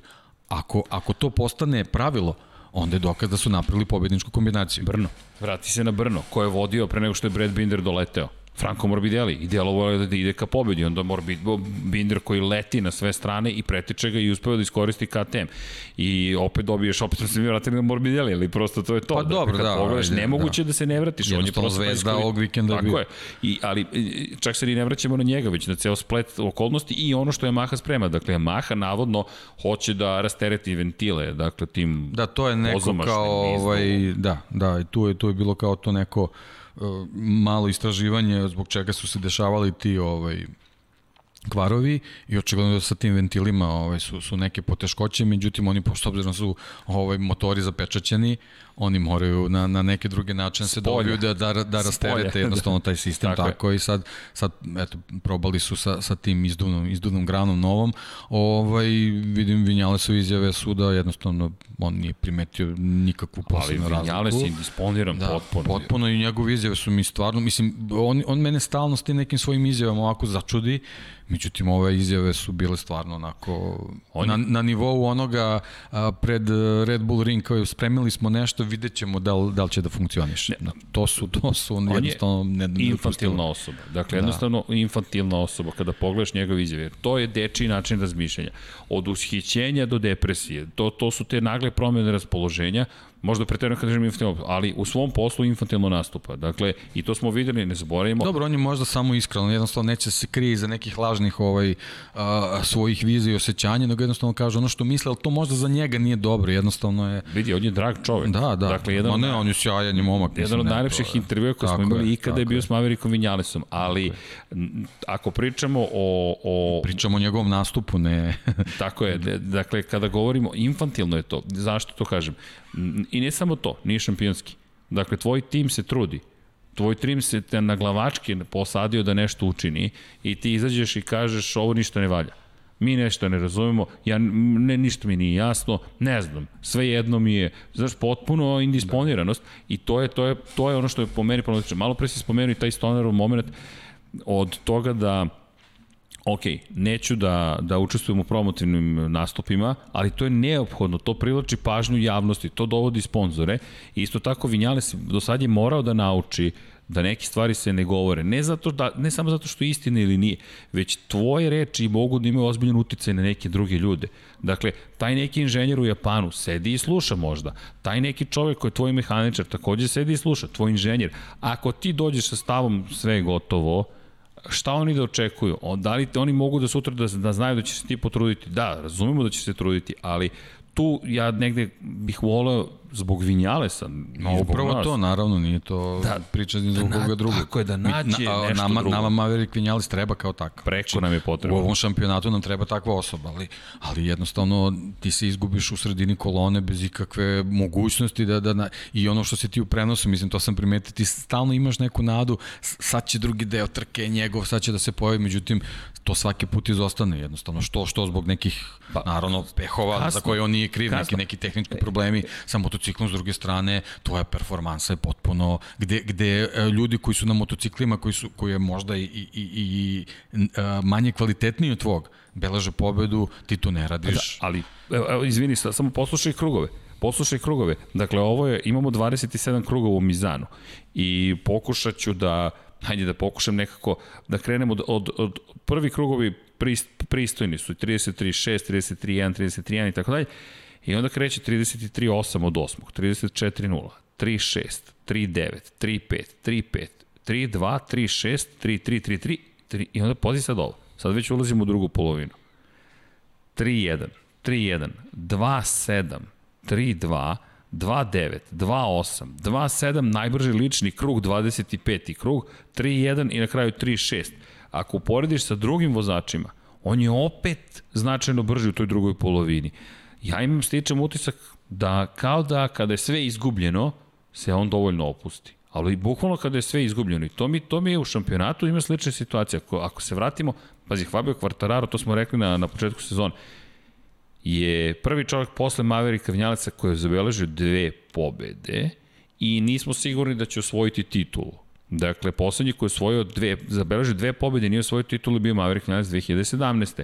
I sad dolazi odjednom Fabio Quartararo nekako ubeđenje, ma o, to je to, sad on je osetio slast pobede, nema šta, on će sad i Markeza da pobeđuje, odjednom Quartararo nestaje, Vinjales slične filozofije kao da ima. Zaista je problematično. I da, ja u prenosima čekam taj drugi deo trke i on se desi po rezultatima, ali šta ti to donese? Šta šestu poziciju? Da, problem je, problem je što, što, što taj prvi deo svake trke jednostavno on se nađe negde u sredini kol, kolonje. Kolone Danilo Petrući je izjavio glavom. Danilo Petrući je izjavio vezano za, za prvu trku u, u Mizanu kao zašto je na toj poziciji koji je bio zašto nije mogu da napreduje pošto se videlo da, da, da u finišu trke i on imao bolje rezultate. Kaže ni sam ne znam koliko on se puta dokačuje sa drugim motociklom. Koliko je puta imao kontakt. To se verovatno događalo i Vinjali su jednostavno u tim trenucima to su ili, ili padovi koncentracije. On se borio s Da, on da. se s Kvartararom borio. Znači jednostavno takva je staza da ti moraš da, da, da jednostavno na početku pobegneš, da izađeš iz te grupe da bi, da bi mogao da voziš u tom ritmu, to što ti kažeš, kad sve prođe onda si opušteni. Pa dobro, ajde da budeš opušteni tako da ćeš malo da izađeš iz te grupe, da probaš da voziš bar 3-4 neka svoja kruga da vidiš gde si. Ko ima savršenu startnu poziciju? Da. Pa Maverick Vinales, da, imaš pol poziciju. Je, tako je. Pazi, to je 11. pol pozicija, samo dva puta je sa pol pozicije pobeđivao. I, i ovo je, ovo je apsolutno kriza Maverika Vinjalesa. Imamo istu situacija, kad kažem ne dopada mi se, ne dopada mi se što imamo ponavljanja priče kada je reč o Vinjalesu. Ovo smo već čuli toliko puta. Da ja ne mogu sad da se uhvatim za nešto i kažem ovog puta će biti drugačije ne vidim da će biti drugačiji. Zaista koliko god da mi je žao, volao bih da je tu, da je u bici za titulu šampiona sveta. Nekako da šampionat bude još uzbudljiviji. Ne, meni je žao što Nema je stalno u tom kontekstu uh, uh, uh, Valentino Rossi uh, nije zabeležio ni jedan rezultat vezan za podijum. Ovaj, onako, da kažemo, ajde, bilo, bilo, je, bilo je dobrih rezultata, ali mi smo imali neka, neka dva druga mesta, Maverika Vinjalista smo očekivali da ti si trebao da pobediš Fabio Quartarara i sad ispadnu da, da, da, da svi da preostala trojica, u stvari vozača Yamahe, se mnogo češće spominju u pozitivnim kontekstima od njega, a on nama treba, zato što on jednostavno sad je u godinama u kojima treba da pokaže sve svoje kvalitete. Ali toga nema. Toga nema. I ja za, zašto, zašto kažem da je, ajde, pret, možda sam preterao, sigurno sam preterao, ne mogu da, da, da govorim njegove ličnosti, ali meni je to infantilni nastup.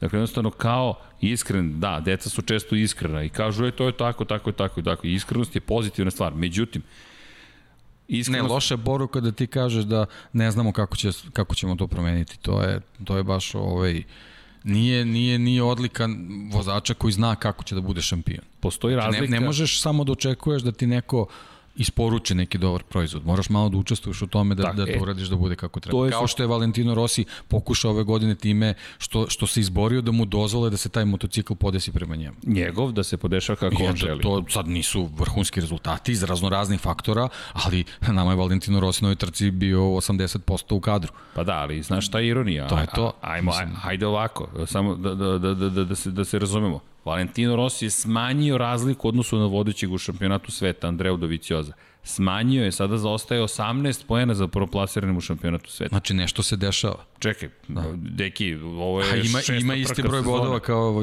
kao Maverick Vinales. Koji ima dva druga mesta. Tako je. I sad mi imamo, koju priču imamo? Dakle, Valentino Rossi navodno u teškoj krizi, problemi. Ja ne vidim tu krizu, ja sam rekao, za mene najveći pobednik ovog vikenda i dalje Valentino Rossi, bez obzira na sve što se desilo. Njegovi klinci su pobedili. I to ne samo ovde, Luka Marini je pobedio ispred Marka Beceki u Moto dvojci. Brat ti pobedi zajedno sa jednim od tvojih polena, predstavnici obe, oba predstavnika tvoje ekipe. Da, imali su probleme kada je reč o Moto trojkama, ali kakve to veze ima? Dakle, ne možeš očekivati savršen vikend. Ti prolaziš četvrti kroz cilj, za 13 poena smanjuješ za ostatak odnosu na Fabio Quartarara. Samo da se da, da, da, da, da budemo vrlo precizni. 12 poena više ima Fabio Quartararo od Valentina Rosija. 12 poena. Sa dve pobede. Sa dve pobede posle šest trka. Pa, znaš kako, pričali smo o Doviciozu, Kornjača Zec. Ima Kornjaču na svojoj kacigi, evo tu je kaciga, ima Kornjaču.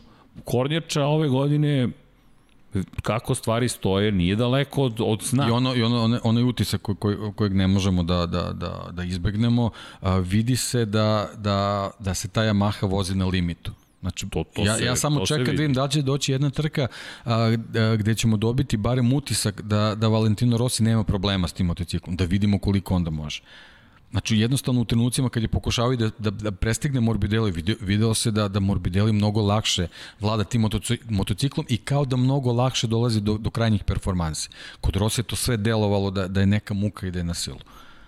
Da, Tako da zbog toga treba njemu odati priznanju u svakom slučaju. Ne, ne moramo, mislim, stalno smo pričali o tome. Tako pa, je. Ja sam stvarno zadivljen, da. 41 godina, dalje je. sam zadivljen. I Kažem, eto, bio, bio je taj detalj što smo pričali, da, da, da, da slučajno Rins nije napravio grešku posle kojega je uh, Mir obišao Rossi bi možda i sačuvao tu treću poziciju. On je jednostavno došao pod pritisak, pod pritisak uh, Mirov zbog, ne, zbog Jeste. nekog dešavanja na stazi. Tako da on, on je jednostavno, nema šta da mu se zameri. Sitna greška koja se dogodila, niko je možda ne bi ni primetio da, da, da, da se iza leđa Nije pola kruga mir. pre kraja, ne, ne, se pola kruga pre kraja nije deš, desilo to što se desilo sa Rinsom i Mirom on bi, on bi bez ikakvih problema sa tom sitnom greškicom, ovaj, mislim, njemu se to stalno desi da mu neko na, ali, na leđima, ali, i, ali te greške... Jednostavno to su trke, pa dobro. Ali da. vidi, to je normalno, te greške... To je normalno, znači on kad je bio u punoj snazi uh, i, i u punoj formi nije, nije dozvoljavao da se takve situacije desi. Ali, ali... Do, dešavale su za nekim drugim. da, ali... Mislim, to je jednostavno,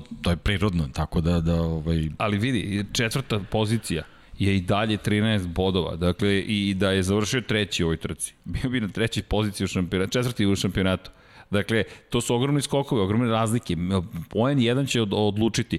I kada gledaš konstantnost, znaš, kada gledaš konstantnost vozača, Takaki Nakagami je zaista neko ko je to, dosta konstantan. Međutim, najkonstantniji među vodećima uz čak i Andrea Dovicioza ti je Valentino Rossi. Njegova pozicija od 3 do 5 gotovo izvesno je da će biti od 3 do 5. U nekom drugom šampionatu to verovatno, to sigurno ne bi bilo dovoljno. U ovom šampionatu, uz činjenicu da imaš Oliviru koji sada prođe 11. kroz cilj, a pobedio na prethodnoj trci, Binder koji je probedio pre tri trke, ti prolazi 12. kroz cilj, Doviciozo koji je slavio pre dve trke, ti prolazi 7. kroz cilj, ti sa tom trećom, četvrtom, petom, treći, četvrti, peti, treći, četvrti, peti i možda neko pobedničko postolje jedno ima, to, to je neka pobeda ako mu se otvore karte i rekao Rossi da njegov cilj jeste pobeda, ko zna šta može da bude. Zaista nisam senzacionalistički. Dakle, kada su Vlada Vesić i, i, i, i, Đankić tipovali na Rosija, ja sam bio šokiran iskreno, kako ne, nema teorije da se to desi.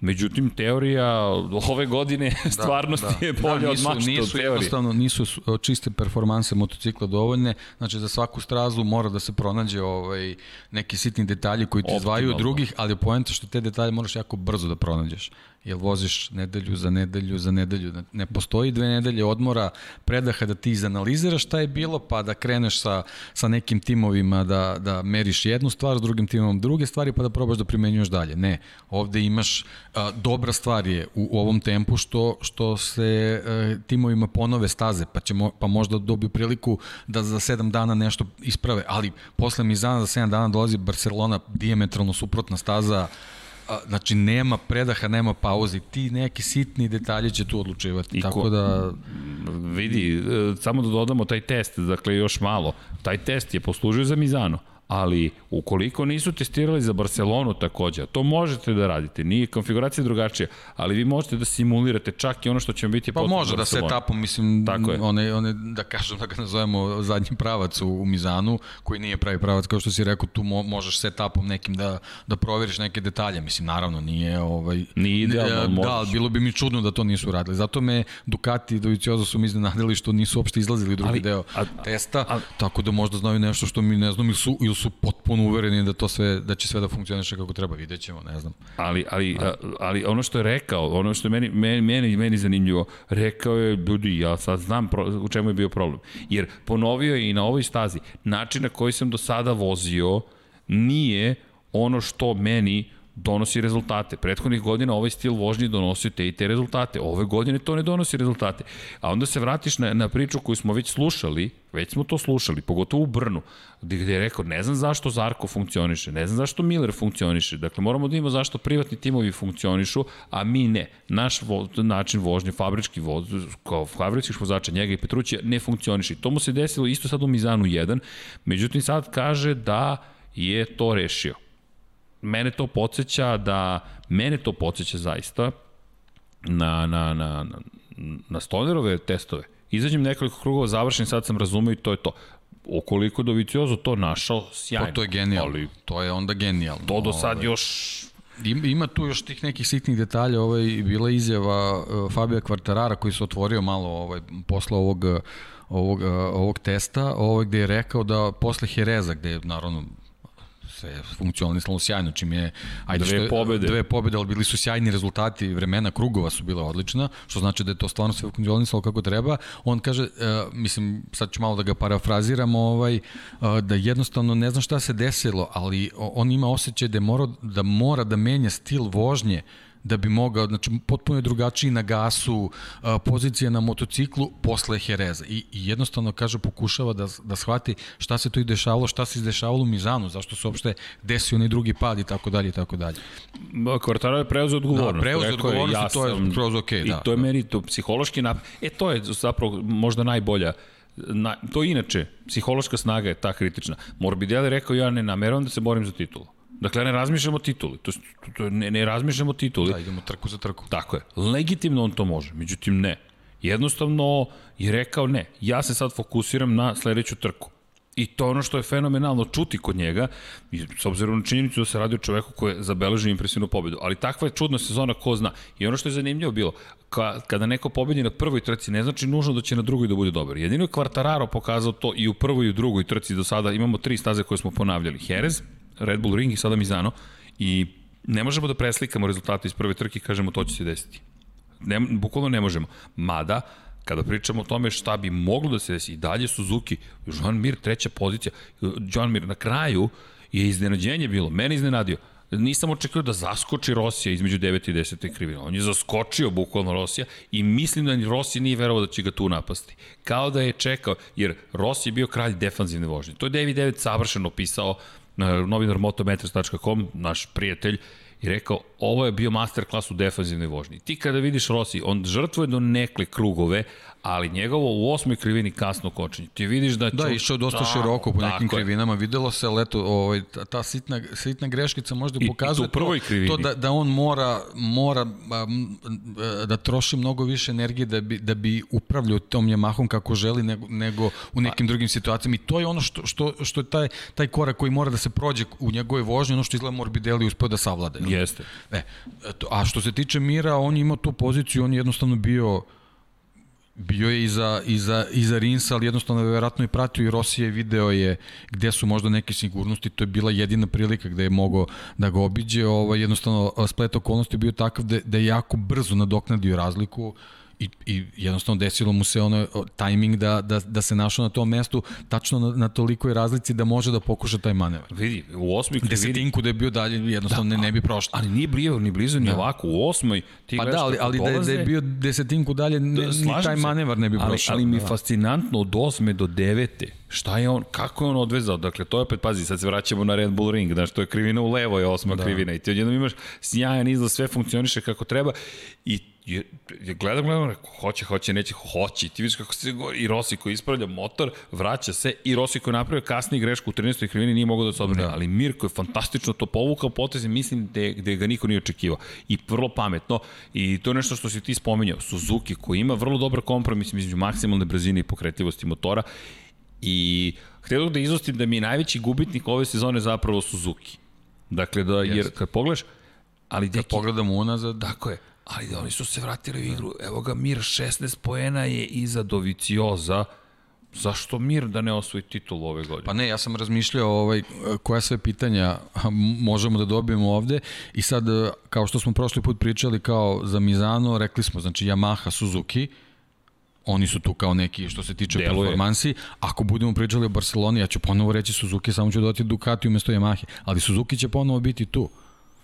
To je, to je nešto što je, što je neki njihov da, plus da, da, vazi, iz moje gledam perspektive. Te, gledam te razgoračenih da, očiju. To je ne, ne, ne, neki plus iz moje perspektive, ali upravo to što kažeš, baš mi je žao što, što do sada to nisu uspeli da unovče kroz neke bodove. Mislim, bilo je tu neki par grešaka a, i sa njihove strane, bilo je nekog spleta okolnosti, ali tu je moglo da bude Vidi, nekih možda je dobro za nas. Goda. Da, možda je dobro za nas, jer da su Rinc i Mir profunkcionisali ranije, ko zna šta bi se desilo. S tim što je Mir konstantni, da, povreda je uticala. Povreda je uticala. I ponovo osjeća posledice povrede. I rekao je Rins da, da još uvek osjeća posledice te povrede. Kaže, ne boli me rame, ali nemam snage. Nemam snagu kao što bih inače imao. I cela sezona mu je obeležena zapravo tom povredom. Pa vidi, stazu u Mizanu, ja ne znam, eventualno par stotina metara startnog pravca ti omogućuje da se malo opustiš. Sve sve ostalo... Radiš non stop. Non, non stop se radi. I, I to baš radiš. Non stop radiš. To je vrlo zahtevna staza.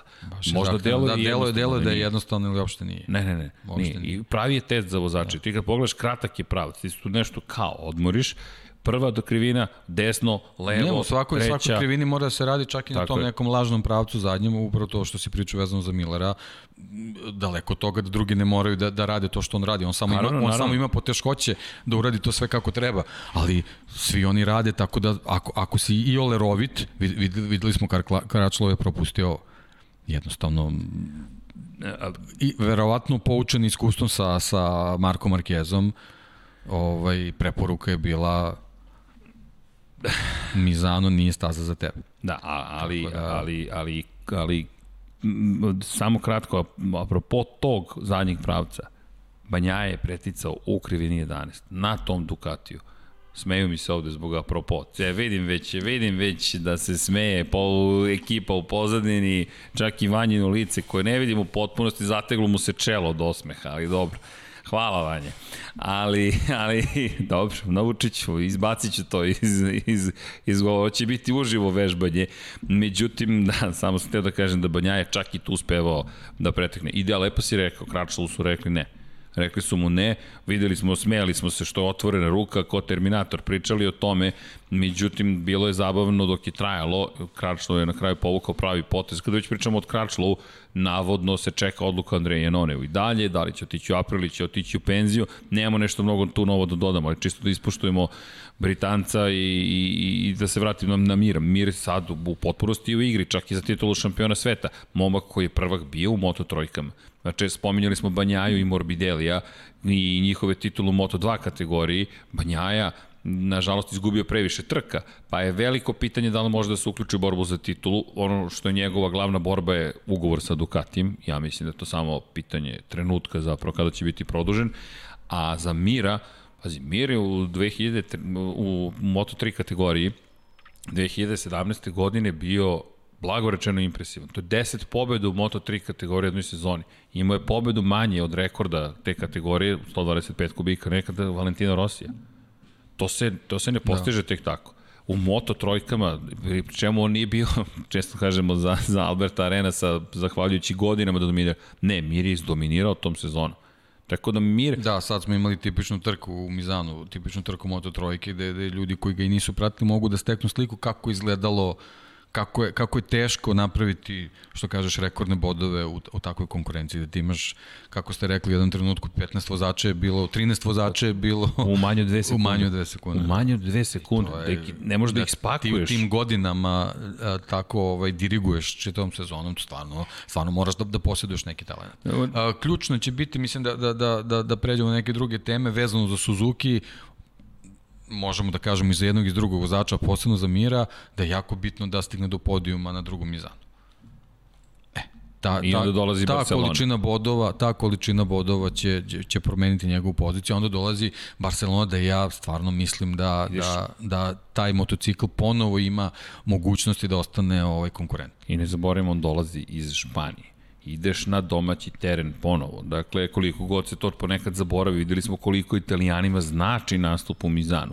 Zašto im je, pa, koliko da, jednostavno drugačije se osjećaš e, nekako više samopouzdanje, imaš sigurnosti, on je, on je mislim, svi su oni mnogo puta vozili na toj stazi, ali ti si nekako, od malena si tu, mislim, to, to ti u, u, u, u genima, u kodu ti je ta da. staza ti jednostavno tu kad se pojaviš, ti jednostavno znaš svaku krivinu, znaš svaki ćošak, mislim, to je, to je jednostavno ne, nešto što je, što je drugačije, a posebno kad imaš motocikl ispod sebe koji, koji ti uliva dodatno pouzdanje, ovaj, zato, zato je za njega bitno da, da u Barcelonu ode sa još jednim dobrim rezultatom iz Mizana, ali mislim, vidjet ćemo, stvarno će biti, ja, biti nezgodno. Ja iskreno mislim da će Ducati biti mnogo opasniji.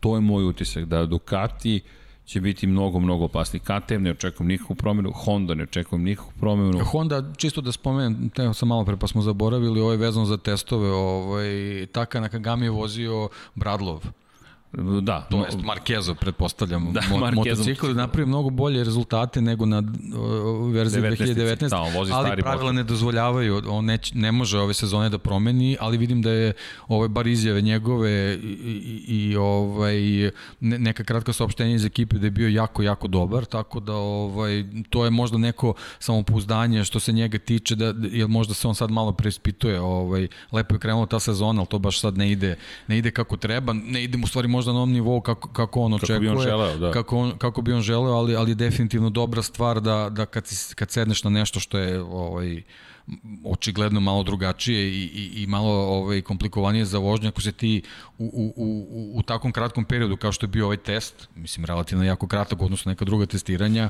ovaj, ako pokažeš te da on je vozio N32 nešto nisko dole, tako da to je to je sasvim, sasvim zadovoljavajuće. Za Takahira Nakagamija, da li Honda može da napreduje? Naravno, svi, svi mogu da napreduju, ali prosto mi deluje kao ovo što si rekao, dakle da će teško, čak i u Mizanu 2 posle ovog testa, pogotovo što ako uzmeš obzir da testiraš neki drugi motocikl. Dakle, više se baviš možda priprema za narednu sezonu. Ono što je meni zanimljivo jeste da je postigao bolje rezultate. Većina vozača se žali na novu verziju da. Honda i, i, i pati za prošlogodišnjom, koju Nakagami ima. Ali mi deluje i dalje da, da to je samo utisak za sada, teško bilo šta prognozirati srećom, međutim, delo mi tako na kraju neće biti opet toliko, očekivo sam, iskreno, ja sam mislio da će ovo biti ta trka, Lučiće Kinel Racing, Honda, uh, Takaki Nakagami koji je pun sebe, međutim, samo pouzdanje, na lep, na lep način i dolaziš na stazu i odjednom ništa. Da. Bukvalno... Možda, možda taj test, mislim, ne, ne znam, ne znam ne u stvari šta je testirao, je, šta, sve, ne znam šta je bilo na tom motociklu, ali možda, možda će to iskustvo sa novim motociklom mož, pomoći možda napravi neki drugačiji setup na, na, na svom bilo starom, ovaj, možda, možda, će, možda će nekako ovaj, opuštenije voziti ovaj, posle, posle tih promena o, sedla, da tako kažem, da, ovaj, da. pa eto, mislim, ono, ok, i to nam je sad bitno da vidimo njega na, na treninzima, ovaj, sad za drugi Mizano, da li, da, li, da, li, da li tu možemo da, da naslutimo da li će biti neke promene, ili bilo bi lepo da se jedna Honda uključi u, u, u vrhu nedostaje. Ove pa ne, nedostaje, nedostaje, da, ali ovaj, ono što si ti odavno rekao, i ovoga puta se tipuje, ako, ako neko za neku Hondu treba da napravi veliki pomak, to je takav za, za drugi Mizano.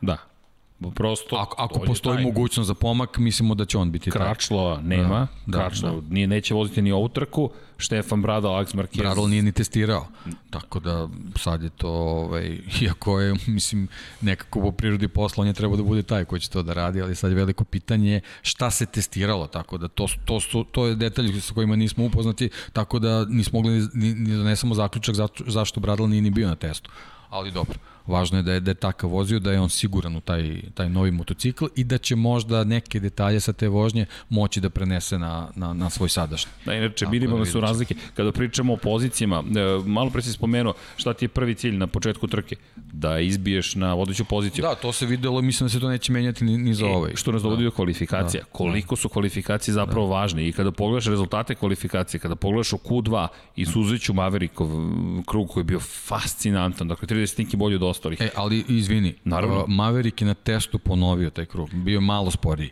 Znači, to je nešto, ja, da, da, da ne dužimo sad da priču s njim, znači, da, neverovatno je. Znači, kvalifikacije super, testovi super, a između je trka i ti ne isporučiš ništa. Znaš šta kažu da utiče mnogo na njega? Damlopove gume.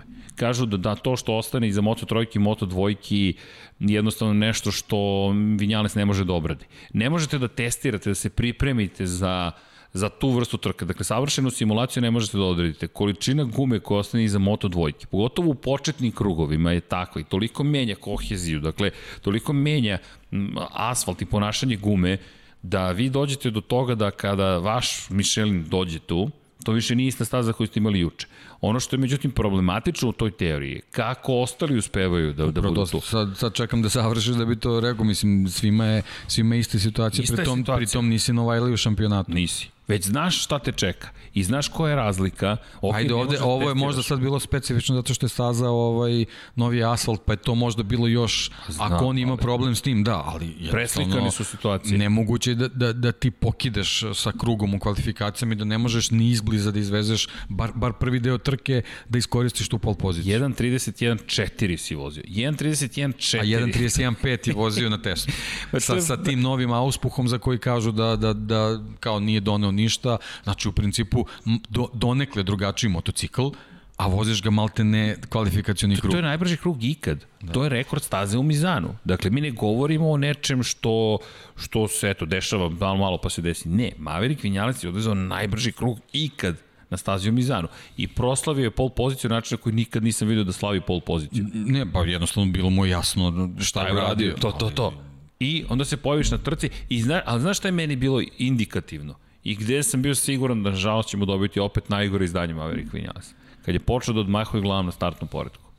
Počeo da odmahuje glavom na startnom poredku i da nešto pokazuje mehaničarima. I tokom trke odmah još, što da, je najgore. I, i, Mislim, to je, to, je, to je potpuni manjak koncentracije, to, Mislim, a to ti je dovoljno za desetinku dve. Tako. Tri, nesigurnost u sebe, možda i u mahu. I možemo da se vratimo možda i na to skakanje sa 226 km na čas u red, na Red Bull ringu, gde on traži da skinu oplatu, da pogledaju šta se događa iza motora kao da nešto curi. Sve su rasklopili, sve suvo. Vratili oplatu, na, da ti stojiš na pol poziciji, pri čemu to konkurencija gleda. Drugo, pitanje je kako on posmatra sebe dok ga konkurencija gleda. Ne treba to zaboraviti. Psihologija je čudesna stvar. To je čuveno igranje šaha. Sa strane sve vidiš kad si za stolom, kako nisam vidio taj potez. I sad Vinjales, opet, sjajan van kada nema pritiska javnosti. Sjeti se 2012. kad je on iz Malezije se spakovao i otišao kući, on se u tom momentu na FTR Hondi bori protiv Sandra Corteza za titulu šampiona sveta i njega otac ubedi, ne, nismo dobili ugovor, Rikard Hover nas je prevario, mi napuštamo Avintiju. Ok, i šta ćete sad? Evo je, Blue Sense Avintija, dakle imamo i potpis Maverika Vinjalesa, ali to je neka druga, 125-ice, i on napušta, čovjek se spako otišao na avion pre trke, dan trke mi nemamo drugoplasiranog u šampionatu sveta. Bio je 17-godišnji klinac, ok, maloletan tata ga naterao i to, i to, i to, vratio se, međutim, stalno se ponavljaju neke priče kao da ne može da sazri do toga, što ne znači da je on loš, naprotiv, samo za svoje rezultate nije dobar.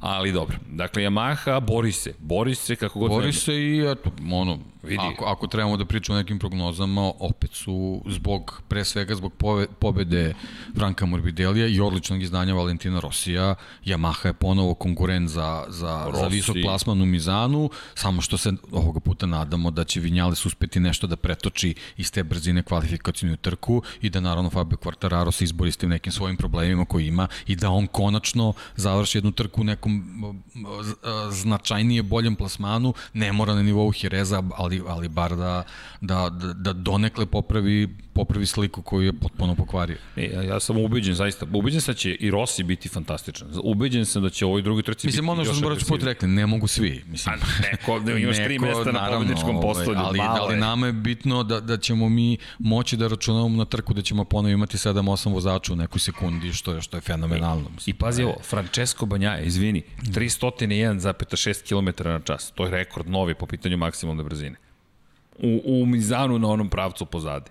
Detalj vezan za Banjaju može da bude, mi moramo samo da vidimo da li je ova trka a, ostavila posledica na njegovu fizičku spremu. To ne znači, znam. Znači, to je jako velika zadrška, jer ako je neko izjavio da je imao bolove, znate kakvi su oni, mislim, to smo, ovaj, na to se jednostavno momci, mislim, on, on, je, on je, mislim, sjajan primjer, eto vidi se, on čovjek sa štakama dođe do motocikla, odveze trku i da, vrati da, se na štake, znači on, on nije taj uh, koji bi se žalio na taj način, ali ako je, ako je takva osoba rekla da, da, da je ovaj, morao da, da savladava velike bolove tokom, tokom trke, moramo samo da imamo tu zadršku, da li je to ostavilo sad neke, neke posledice do sledećeg trkačkog vikenda. Ba, to znam rezerve. Što se tiče Jacka Millera on nema izbora, on, on mora, ako misli da, da ostane u nekoj trci, pa. ako, ako je to uopšte plan, on jednostavno mora, mora, mora da pokuša da, da, da se približi Banjajimim performansama sa, sa ove trke. Ono što je meni, meni fascinantno kod Banjaje, Banjaje je bio treći na testu.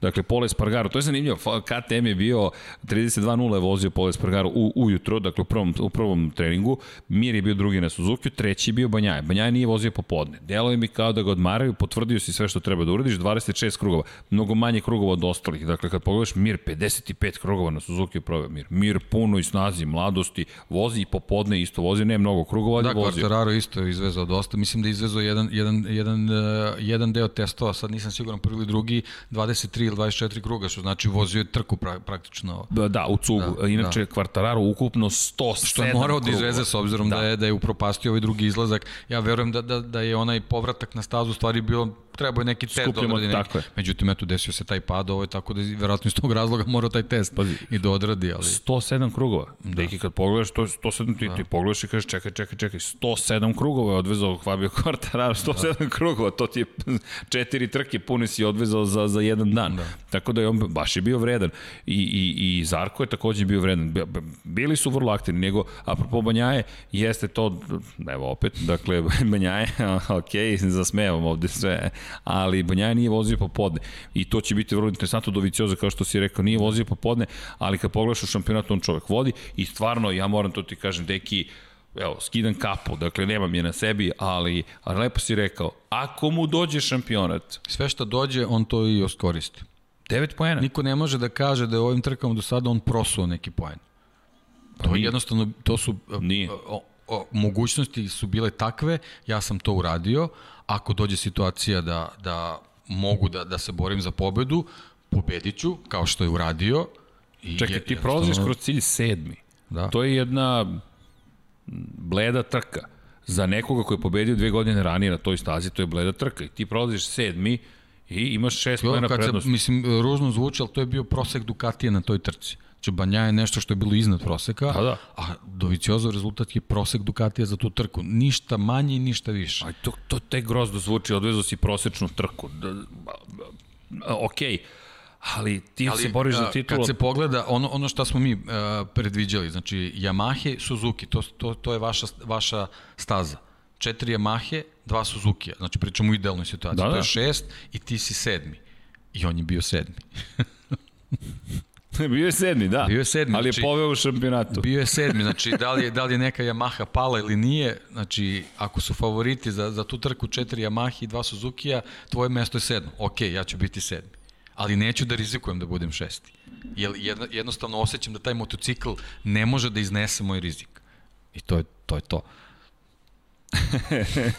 ali Doviciozo je rekao, nije dovoljno ovo za pa, titulu naravno, nije dovoljno. on to zna. Mislim, a, teško je osvajati titulu tako što moraš da imaš pritisak na svakoj trci. Znači, ti jednostavno moraš da dođeš do neke bodovne zalihe da bi u nekom trenutku već mogao da praviš neku kalkulaciju i taktiku. Ovde nema taktike, ovde jednostavno ti na svakoj trci moraš da izlačiš maksimum. E sad, da li ovo u Mizanu bio maksimum? Ja verujem da on procenio da jeste.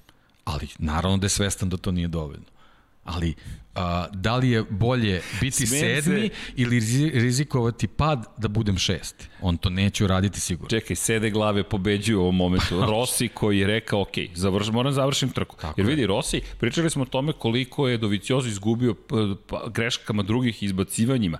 Rossi je sebe izbacivao prethodnih godina. Ako se vratiš u Le Mans protiv Vinjalesa, sebe izbacio iz igre. Dakle, to je ta priča, vožnja te Yamahe na limitu njemu nedostaje da malo opušteniji bude.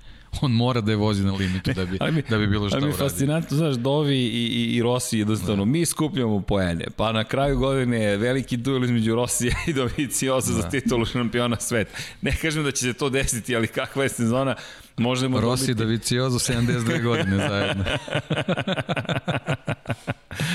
I opet su mlađi od ovog ne, stola. 75. I opet 75 su mlađi, čini mi se. Ne, ne, I opet su mlađi od ovog stola, samo da znam. da. Vanja dolazi da nam popraviš prosek, ali šalo na stranu činjenice da, da je da, da Doviciozo je svestan i iako nismo još spomenuli, ali posle ovog Mizana dolazi, ti si spomenuo, dolazi Barcelona I... Pa ja gledam u celini, pošto to je ono back to back je to, priča. To, back to back to back. To je, da, back to back to back, znači to je, to je neki, neki segment koji mora da se gleda kao celina. Nije, znači ti kad završiš drugi mizano, ti si već spakovan i misli su ti, nema, nemaš vremena za analizu, tvoje misli su već krenule dalje. A, znaš gde su svima misli? Mi imamo toliko tema, dakle, mi imamo toliko tema ove godine, dakle, ovo, ovo nije ni, ovo ne, ne postoji sezona poput ove. Ne možeš da obradiš jednog, dva, tri, četiri, pet vozača, ne možeš da izvučeš jednu priču. Mi imamo toliko ne može, priča. E, neće, e, neće biti ni slične sezone, zato što neće. ne daj Bože da se ponovi sledeće godine ista priča, oni će već biti spremni za ovo. Znači, ovo je, ovo je jednom i nikad više ovako. Uživajte. Univerzumu neće dakle, biti ovako. Da. da, da, to je da. to, ali zato treba da uživate. Pričamo o tim formama, strukturama, kakve crne strukture, ljudi, mi ne možemo da imamo strukturu. Kad mi imamo u tri nedelje, tri trke i jedan test sa zvaničnim vozačima, a sedam dana pre toga su imali nezve, test vozači su imali test na toj istoj stazi, koja, koja količina podataka kako mora se obraditi, pa to je nemoguće, dakle... A sad zamislite kako je ekipama mehaničar. Zato, zato pričam, mislim, u ovoj sezoni treba jednostavno pustiti se i uživati, ne zamerati bilo kome na nekim propustima, greškama, jer jednostavno ovo nije, nije tipičan ritam. Nije ni za koga. Nije. Znači mi samo trebamo da pričamo o tome, pa ko zna šta smo sve zaboravili da kažemo, a oni moraju a, ozbiljne telemetrije da, da analiziraju, da studiraju, da pripremaju sve tapove u roku je. od tri dana. Jer njima, a, znači oni su nedelju veče, veče završili sa analizom Mizana već utorak su imali test. Znači, bukvalno si jedan dan imao da, da spakuješ... Ne, ti si spavo i onda pa da si da spakuješ te informacije. Onda si izašao, izašao si u, u, na test gde dobiješ neki potpuno drugi segment, potpuno drugi paket informacija. Što ti kažeš? Uh, moto dvojke, uh, nemaš, nemaš podatke od nedelje iste zbog te staze, zbog, zbog, zbog trošenja tih guma, zbog tog gripa i tako dalje. I već u sredu gde, gde imaš sve, sve i sa prvog mizana, sve sa testova, moraš da spakuješ da bi za četvrtak mogu da staviš taj motocikl na sto, da ga spremiš spremiš za treninge. Znači, to je ritam i to je sve puta tri. Znači, to su ritmovi koji jednostavno... To, ne, to, to su ritmovi. Naravno da mora da se... Ko bude pravio manje pogrešaka, taj će, taj će da izbije na vrh, ali zato kažem, ne, I ako navijate za nekog, nemojte da im uzimate ništa za, za zlo. Kakav za zlo, da, da, samo možemo da uživamo. Samo, pri čemu vesti dolaze sa svih strana bum, bum, bum, to samo dolazi sa svih strana. Uh, dok smo mi spremali podcast, dakle, uh, Wayne Gardner je potpisao za Red Bull KTM Tako je. Dakle, čovjek ode u Moto2 kategoriju. Mlađi Binder je potpisao za Mlađi Petronas. Binder, tako je, za Petronas. Čekaj sad, to su... McPhee Binder. McPhee Binder, pazi. I to Derin da. Binder, to je Derin Binder će biti u Moto trojici, McPhee se priča da. će u Moto dvojku. Tako je, da, Ali opet, Delegara... Zaboravio sam da, da, čekaj, da će momak da, da skoči, da. da. Ja, ja sam poželeo da ostanu to. Ali vidi, ali, ali McPhee, i doći ćemo do njegove pobede. Ti sad odjednom, pa vidi, o, pored svega što se događa, pored svega što se događa, ti sad i rešavaš pitanje ugovora za sledeću sezonu. U ovoj godini... To je taj period, septembar je, mislim, moraš, u redovnoj sezoni je to moraš, to, to nemaš šta. Moraš, dakle ti sad ne, ne, ne, ne smeš da propustiš priliku. Izvini, prekinu ste... Sam... Ne, ne, ne, ma ne, ne, to je to. Je to, to. Znaš, samo gledaš i razmišljaš, čekaj sada, Gardner ti ode u Red Bull KTM, odbio je prošle godine, a to mi se sviđa kod Remija Gardnera. Remi Gardner je rekao, ja imam ugovor sa Stop and Go Racing. Tek tri je produžio s oba vozača, izvinjam, sad se setio. Da, tek trojke su isto, da, da, da, da ne da, zaboravimo da, da, još da, da, da, da, ugovora. Dakle, i šta se se događa? Uh, Remi Gardner koji je rekao, neću da napustim Stop and Go Racing. Zovete KTM čak u MotoGP, on je rekao, ja imam ugovor sa Stop and Go Racingom. Meni se to dopalo. To je integritet koji se redko viđa, rekao ja sam dao reč ovim ljudima, ta ekipa zavisi od onoga što smo se mi dogovorili. Mo... Pa dobro, to su verovatno još bili neke, neki pametni saveti, znamo od koga. Znamo od, od tate, da, od Ovejna. Da, nije, nije, nije neophodno da tako brzo mora da se napreduje. A ko je ispoštovo to? KTM. Meni se dopada filozofija KTM. KTM rekao, važi. Ali evo me nas ponovo. Možeš da pređeš u našu ekipu u Moto dvojci i sad tebe zove, što nam govori opet da neko odlazi iz Red Bull KT Maja naredne godine u Moto 2 klasi, to čekamo prirodno. to saopštenje. To je prirodno, tako Jorge Martin. Tako je. Nismo se dotakli. Ma dobro, to je već najavljeno koliko ima toga, ali čekamo, samo se razbolao čovjek. Ba, da, da, to je baš baš onako poremetilo, ovaj žao mi zbog cele trke Mislim, da, da ne ulazimo sad neke druge naravno, detalje. Naravno, Mislim, nadam se da je, da je dobro i da, da će se oporaviti ovaj, uh, brzo, ali jednostavno žao mi što smo njega izgubili na ovoj trci. Mislim, jer, jer kako se razvijela situacija, baš je nedostaje. Šampionat. Baš uh, je nedostaje. Samo još Martin da je bio na stazi. Da, da. U svakom slučaju, to, a to se sad isto događa. I još, još, još vesti i tih stvari koje će uticati. Pričamo o Jorge Lorenzo. Postojalo se pitanje gde je Jorge Lorenzo. Ne odlučuje Lorenzo samo kada će da testira ili neće da testira. Maha je tako organizuje testni tim i kaže kada će se izaći na stazu. Da je bilo kritika na, na račun Jorge Lorenzo koji jedno kupuje Lamborghini, malo malo pa kupi nova kola. Ako pratite njegov Instagram, uživaćete u, u, u životnom stilu koji ima. Međutim, Lorenzo je fantastičan i, i sad pazi, sad, sad umeđu vremenu vest gde su pitali Rosija da li bi želeo možda do Vicioza da bude probni vozač Yamahe odmah bi potpisao ugovor sa Doviciozom. Sad, Andrea Doviciozo da pređe u ekipu Yamahi kao probni vozač. Nema mesta za Dovicioza za sledeću godinu, međutim, ko zna, možda Dovi kaže, ok, to mi odgovara ta uloga. Pustite me da vozim motocross, i ja ću da testiram usput Moto Grand da, Prix. Da, to je stvar nekih klauzula njihovih, a, a videli smo da je postala moda da, da ovaj, ti neki dobri iskusni vozači koji, kako bih rekao, nekad i ne žele da se nađu u, u samom cirkusu vezano za trke, ali su tu. Što odgovara Doviciozu. Je, da. Doviciozu isto ne voli previše pompu, da. međutim mogao bi da testira sa svojim starim prijateljem Danijem Pedrosom. I sad, ko su ti probni vozači? Lorenzo, Lorenzo nema ugovor za 2021. sa Yamahom. Imamo bolji šampionat među test vozačima. nego na... Neverovatno. Da. I hoće da ga angaže, pre čemu je Lorenzo rekao da u malo nije potpisao za Ducati za 2021 nemam pojma šta nas još čeka. Pazi, ne stižemo ni da najmemo Mizano 2, iako ga najavljujemo, ali mi ga non stop najavljujemo šta se sve dešava.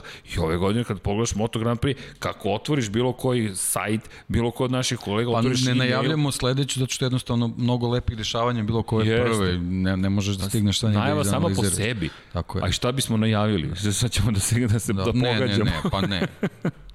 Kažem, ja, eto što, što se mene tiče, Yamaha i Suzuki su ponovo tu zbog svojih performansi, ali uh, kao što si ti rekao, ja bih volao da, da je Ducati stvarno na tim testiranjima nešto pronašao, da dobijemo još neku desetinku u trci njihovu, posebno, posebno od Ovicioza. Uviđen sam. Pazi, ja sam, ali to je samo moje ubiđenje. I, I naravno, pošto sad ni za njega više nema prodanja, Miller mora da bude tu. E da, Miller je osmo mora, bio. Mora da bude tu, jednostavno. I, i, i rekao je, taj 11. krivina, on je to zbog rekao i po završetku trke, i međutim Miller, pazi, on je sad fabrički vozač, a ako ne fizički ove godine, već duhom jeste. Dakle, ekipa gleda u njega, on treba da bude taj novi lider. Mi još uvijek ne znamo ko stiže u fabrički Ducati. Da li će to biti Banjaja ili će biti neko drugi. Ne znamo ni šta će biti s Žanom Zarkom. Da, da, sa Enea Bastianini koji je potpisao koji je potpisao, koji je potvrđen. Znači, potvrđen u Avinti. Tako je.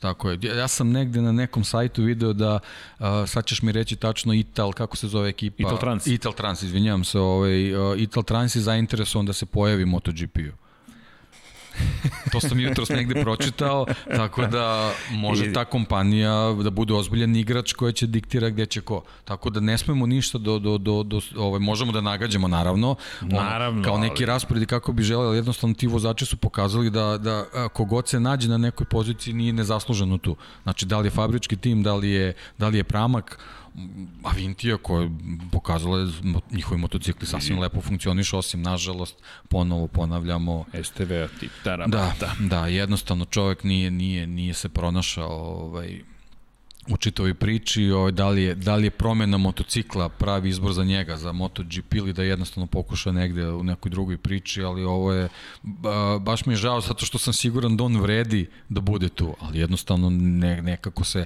te kockice se ne sklapaju nikako i ne, ne znam, eto, to je ovaj, mislim iz ove perspektive da, da, da ne budem grup prema njemu jednostavno uzima nam jedno mesto u ovom trenutku. Znači jako je bitno da, da, da u, u svu želju da njegov izbor bude pravi zbog njega samog jednostavno da, da što pre donese odluku uh, on ima, o, o, da skratim priču, znači on ima ugovor za sledeću sezonu, ali postoji klauzula. Znači on na kraju ove sezone mogu da, mogu da se raziđu, da pronađu, na obostrano zadovoljstvo da pronađu neki, neki, neki dobar izbor. On je svetski šampion iz 2014. Jeste, apsolutno nije sporno. Tu govorimo o ozbiljnom vozaču. Da, da. Međutim, postoje situacije, ono što si lepo rekao, ako je jedan glavni inženjer dobar sa jednim vozačem, ne znam će biti s drugim. Bob Dylan je to super imao, ne znam s kim je sarađivao, to, to, to moj prijatelj Gojko često spominje. Bob Dylan je ušao u saradnju, ja zaboravio sam ime, ko, isto čuveni muzičari u pitanju i odustali su vrlo brzo od daljih snimanja i pitali su Boba Dylana, dobro to, nekako trebalo da zvuči gotovo senzacionalistički, šta se desilo, ko je tu kriv, kaže, ne, niko nije kriv.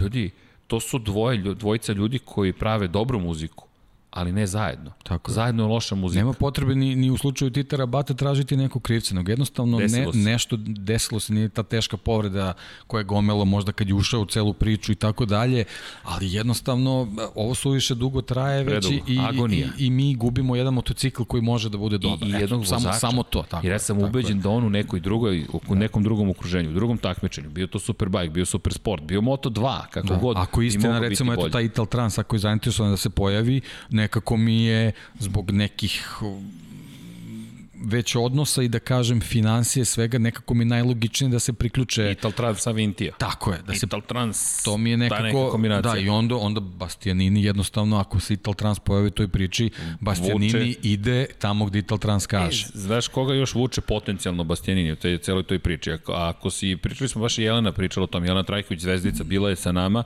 i i biće ponovo. Dakle mm, Ital Trans ekipa Enea Bastianini i Leopardova bočica za vodu. I Leopard koji je energetsko piće, dakle često ima energetsko piće koje sponzorišu različite vozače, Ital Trans, uh, to je konkretno je Nebastianini i Leopard imaju vrlo blizak odnos. Pazi, to može takođe da bude interesantno, ti povlačiš potencijalno novog ima sponzora svega, u tako MotoGP. Je, ima svega, da, sad je samo pitanje ko kakav zalogaj može da podnese. Tako je. Ali ako, ako se pojavio taj dim da Ital Trans razmišlja o MotoGP-u, tu može da se napravi neki konglomerat koji može da pomogne Bastianiniju da uđe u tu priču. I videli smo, znači nije neophodno da ti bude šampion Moto dvojke da, da bi se našao u samom, samom vrhu. Da, i kada spominjemo Moto dvojke, jedino se nismo dotakli KTM-a, ali ako mogu ukratko KTM-u, Hmm. Pa dobro, to smo i najavili, jednostavno ovo, ovo je, ako imaju pravo negde da, da, da, da ne budu brzi, brzi to, to je ova staza, jednostavno moraš mnogo iskustva da imaš da bi, da bi mogao baš da napraviš nešto da funkcioniše svuda. Da, i, i ono što, e sad... A... Jel, jel, izvini, sam, sama koncepcija motocikla nije tako. I... Ali da li će im to biti problem kad odemo u Le Mans? Le Mans, ne mogu da ga poredim s Mizanom, ali ako tražimo sličnosti, Le Mans, Bugatti Pa jedno što možemo da kažemo malo je kasnije i dolaziš sa već sa nekim znanjem. Eto, to možda može da bude pa, olakšavajuća da okolnost. Ali hajde, hajde da vidimo drugi Mizan. Da, i Mizan, jer Poles Espargaro bio najbrži u, u, ujutro. Tako je. Dakle, možda KTM nešto tu ima. I, i, možda ima, znači, ali opet to je, znači, možda hladni taj asfalt, možda, možda uh, manje gripa od, od, od, stari, od potrošenih guma sa, sa možda prethodnih trka. Možda su nešto otkrili, ne znamo. Možda su nešto otkrili, ali i, ili pitanje je šta su, šta su testirali na kraju krajeva. Znači, mi pričamo pod pretpostavkom da su, da su to motocikli koji će voziti na drugom Mizanu, ne mora uopšte da znači. Znači, možda su testirali Barcelonu, ko zna šta su A možda radili. 2021. Ako neko da, sme da... Ne znam, da, ne znam, ne znam kako je, kako je bilo pravilo testa. Jedini da menjat motor, da, e, ne znam. Pa eto, da, da, da, da, u stvari da od svih, svi koji su mogli nešto da, da menjuju na Znaš, motociklu, na testu je bio KTM. Tako je. KTM može i dalje mnogo tako toga da, mi da ne znam uopšte šta je bilo pod tom maskom, tako da, da ovaj, samo možemo da se nadamo da su pronašli nešto za trku. Hajde, vidit ćemo. Bilo bi, bilo bi Kvalifikacije će biti ovaj, merilo pravo za njih. E, Moto dvojke, spomenu smo Eneo da. A Eneo Bastianini, pogledaj kakvo pobedničko postolje. Luka Marini prolazi prvi kroz cilj, dolazi Marko Beceki, dolazi ti Eneo Bastianini, Italija, Italija, Italija, da. nedostaje Marko. Bastianini malo, za ovu trku mu samo zameram što možda malo nije bio odlučniji, malo agresivniji, eto to je ovaj, ali dobro, posle svega šta mu se dešavalo na Red Bullu, njemu je možda samo bilo bitno, on da je video da je to treće mesto nekako tu, i možda, ali ne, malo mi je tu samo, ne, očekivao sam u finišu trke da ćemo i njega videti malo ovaj, bar, bar u toj bori za drugo mesto ili imao priliku. I, izvini, mora da bude agresivniji. Da. I Luka Marini je sada na 17 pojena prednosti. 27 u odnosu na Becekija, 17 u odnosu na Bastianinija. Da, mi pričamo da imamo još trka, ima još 8 da. trka da se vozi. Međutim, Deki, mi smo sada na, na, još malo pa na polovini sezone. Pa evo da, ovaj Mizano praktično kad prođe možemo tako da je. kažemo da je to polovina sezone. Polovina da. sezone. I, da. ako imaš... I to je u stvari neki break. Tako je. I ako imaš da. preko jedne pobede prednosti, psihološki gledano, to je velika prednost. Da. A vidimo na osnovu onoga što Marini pokazuje na stazi da je zreo. To sam htio da kažem, znači ova trka je bila isto, skidamo kapu za njega, stvarno, to je... Ja, oduševljen sam Prvo, džentlmenski dueli Jest. sa Markom, znači sve, sve je bilo kako treba da bude. Oštro, ali čisto. Tako je, tako je i onda u pravom trenutku ok, sad mi treba malo, malo predaha, dobro, do duše, dobro napravio grešku, grešku, da, dobro, jedan i drugi su napravili. i greška se pravi pod pritiskom, A, ne pravi dobro, se, tako je, ne pravi se kad ti lepo Znaš, i kad ti med i mleko, mislim, to, to se ne radi tako, ali, e, da, ali, ali, to, ali super su odradili, obojica su yes. to iskoordinirali, ovaj, tako da nek, nek stoji, nek oni padaju posle, nek kad se raduju, kad tako prođe da. cilj, to je sve ok, ali utrkamo da bude ovako i bit ćemo zadovoljni. Ne, Beceki je da. fantastičan, dakle, na, na Jorge Martin nam nedostaje, pobeda drugog. Žao mi, zato što sad bismo imali malo, malo bolji, malo bolji raspred u tom šampionatu, malo yes. bismo više znali. Ovako sad, jednostavno čovjek je propustio, to je nula bodova, to je onako, baš, baš onako grubo, ali šta da radimo, takav je, eto, jednostavno ne, ne smeš da, da, da, da, da ti se desi neki, neki problem zdravstveni, jer jednostavno trke su tako tesne da, da eto, mislim, na kraju krajeva i taj Mark Marquez i Karl Kračlow i, i, pa. i Rins, svi su oni osetili posledice, pa, ovaj, da, Hafiz, mislim, evo sad pa, ponovo je jednostavno došao čovjek ne, nespreman i eto desilo mu se, desilo mu se sad taj pad, mislim to. Šta ćeš, da. ali moraš da se boriš. Da. A međutim, meni za Martina, evo, danas je sreda, mi nemamo predstavu da će se pojaviti možda. Mi ne znamo. Da, ni, ni, Čekamo ja nisam, vesti. Da, pokušao sam negde da pronađem još nema. nikakve informacije. Makar nema, sad dok da. snimamo još nije da. izašla vest, čekamo. Dakle, da. Martin se možda nekim čudom pojavi. Mi se pre svega nadamo da prva stvar, da nema ozbiljnije posledice. Virus može biti vrlo opasan. Dakle...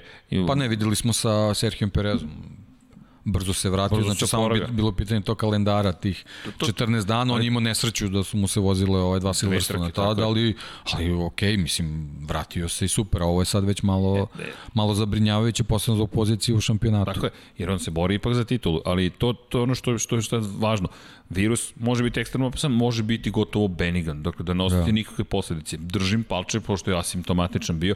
I da, sportista je u pitanju, malo je ovaj, da, ipak njihov organizam je otporniji, jer yes. u svakom slučaju ako se pojavi, ako, ako je ako je virus uh, bilo šta oduzao na fizičkoj spremi, to će već biti problem posebno zbog mizana kakve tako, ako bude vozio naravno. Da, dobro. Čekamo informaciju, ali Ali ako ne, onda ga čekamo ne, u Barceloni. Da, ali to je već 50 bodova, recimo potencijalni za Marinija, to je baš mnogo. A gubiš ih to i u odnosu na Bastianinija da. i u odnosu na Becekija. Za njega najgora moguća da. trka. Tri, tri rivala u šampionatu znači, Bastianini u odnosu postoji. na Martina anulirao padu na Red Bullu. Znači sad, su, sad je to već anulirao. Jest. A ovi ostali Marini na početku sezone da, u Kataru je bio je. loš, Beceki je u Španiji, u Herezu prvom imao grešku. Tako, znači praktično svi su anulirali. Tako je. A on je, on je sad u najgoroj situaciji vezano za bodove. A ko je čovjek koji ima, koji je najkonstantniji, dve pobjede, dva druga mesta, jedno četvrto, jedno sedmo, Marini. Marini je, zahvaljujući tome, tu gde jeste. Bastianini isto ima dve pobede. Međutim, bio je deveti u prvoj trci u Španiji i u, na velikoj nagradi Štarske opet posledice onog posledice incidenta. incidenta da, znači praktično tri, tri trke koje... Ali dalje, da. ja mislim da će to biti super, da će, da će zapravo, da će se smenjivati Bastianini, Marini i Beceki, da, da, da neće niko uspeti baš da pobegne, jer kada pogledaš to pobedničko postoji koje smo imali, nije prvi put ove godine da su njih trojica prošli prvi kroz cilj, u Andaluziji to tako izgledalo, samo malo drugačiji raspored, Bastianini je slavio, Marini bio drugi, treći je bio Beceki. I Beceki meni, ja sam ubeđen duboko da će da, verovao sam da Martina sad, pošto Martina nema, da je ovo ono što si ti rekao, da je Beceki u šampionat. Neki se ovde smeju. Martin, ali nije tu, nema veze.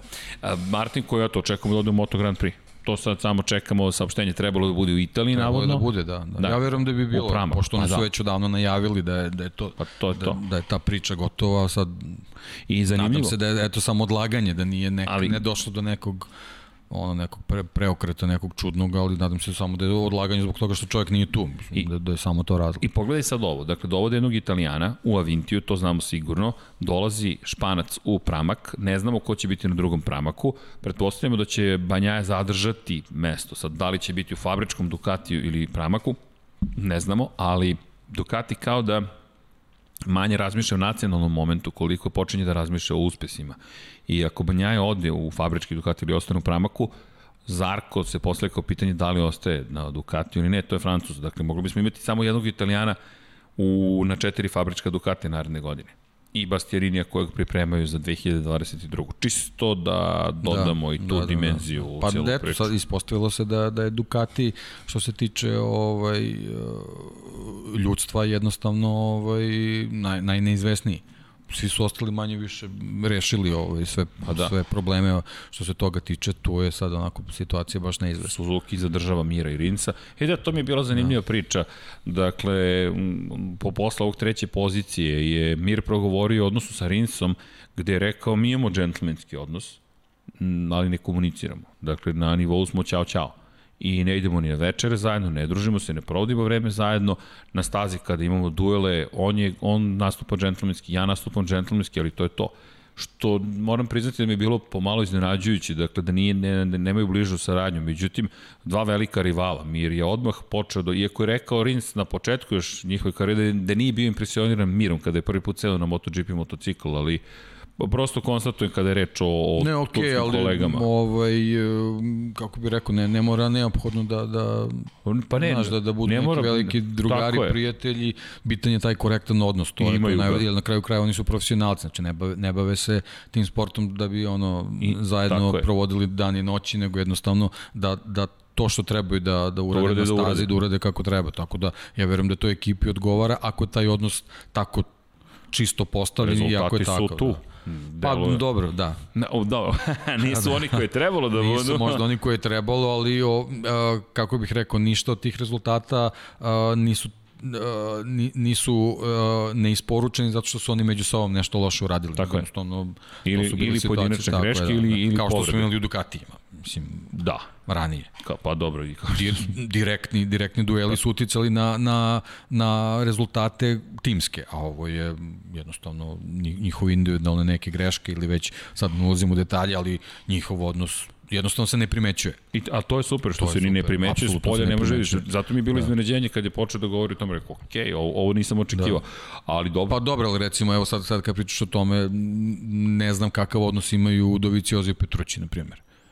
Pa ne, oni su... Mogu bi da, da nešto sad kao analiziramo, ali nije, nije to nešto sad ono... Da nije toliko prijete... Zanimljivo je Doviciozo koji naroštelji sve zove, ali pričao o onom potezu Petrućija prošle godine, kada ga je pomerio, praktično išao na sve ili ništa u, u Muđelu. Tako je.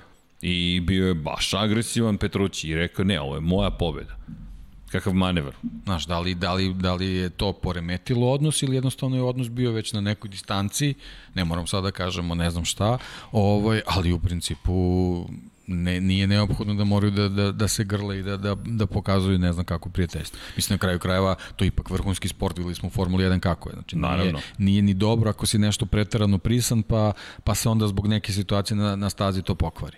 Znaš, meni, meni je super kad vidiš tipa, možemo da vratimo, da se vratimo u Formula 1, da vidiš kako Sainz ili Norris komuniciraju ili kako sad Norris gradi prijateljstvo sa Ricardom, ali znaš, jedna situacija na stazi može svašta da promeni, jer tebi mnogo, mnogo toga zavisi. Opet, s druge strane, imaš vraćamo se na motocikle, imaš Marinije i Becekija gde, gde, gde sve može da bude čisto, da, a da znaš da su van staze oni super drugari. I da voze sada na ranču, na primjer, i da je. se spremaju, treniraju i idu u školu zajedno. Ali to je sad opet možda stvari i, i, i neko, neko, neka velika vrednost tog, tog ranča, jer oni, oni rastu zajedno i da se možda njima sve usađuje da jednostavno, da su to samo trke šta god da se desilo, nemojte da to pokvari to je, nešto što, će, što treba da traje za ceo život. To je mnogo važna poruka. To je ja, mnogo važna poruka. Onda uh, kompletna ta priča se vratimo na kraju na Morbidelli, gde, gde vidimo kako je formiran kao ličnost i tako dalje.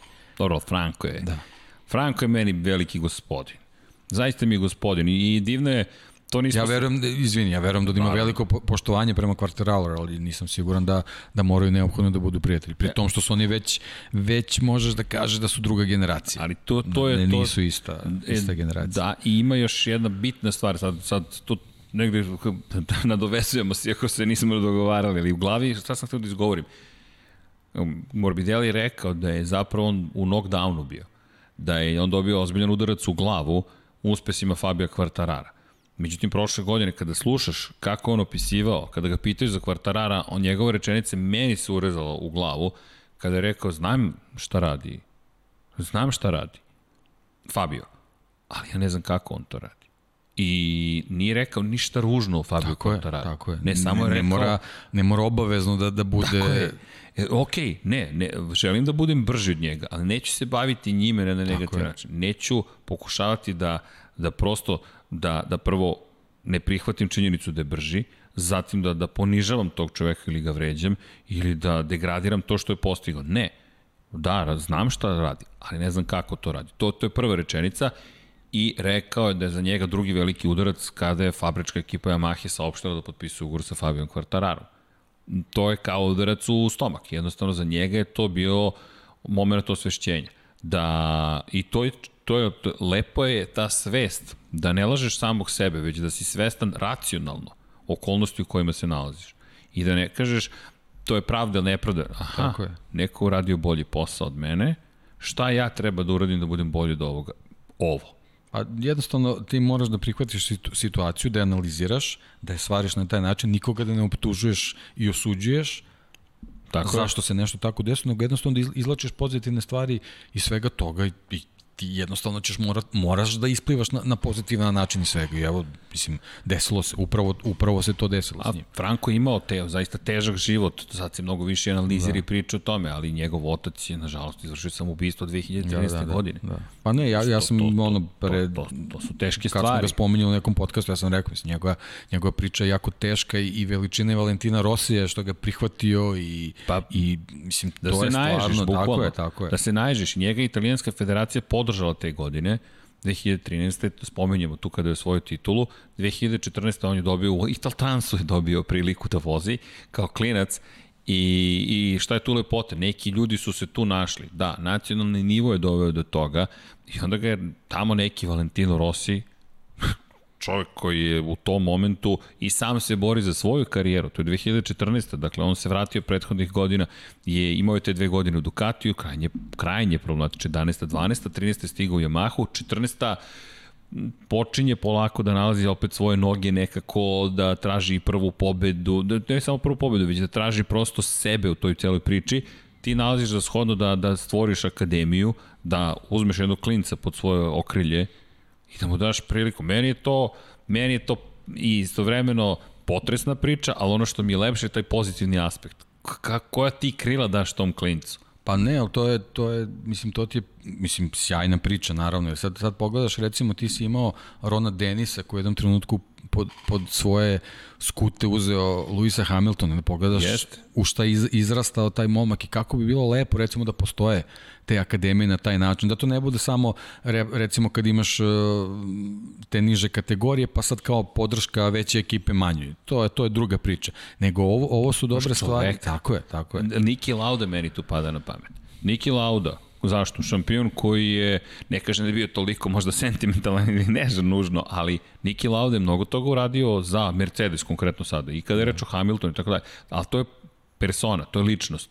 I sad imaš Rosija koji, za razliku od Laudi i svih ostalih, još uvek vozi u šampionatu i ti uzimaš jednog klinca i onda Morbido koji sve to prolazi i dobija ponovo udarac. Dakle, tvoj klubski kolega te ne pobeđuje, te klasirate na jedan način, to osvoja pol pozicije, pobeđuje. Ne, ne, tebe nema nigde, nema tu medijima, nema te na stazi. Ne, nema Nevažan nigde, si gotovo. Ne, da. I onda da. ti neko kaže, e, znaš šta, tebe smo zanemarili, ti ostaješ ovde u Petronasu, lepo je što ga Petronas zadržao, podržao, a mi uzimamo Fabija u svoje, pod svoje, u svoje redove da odimo.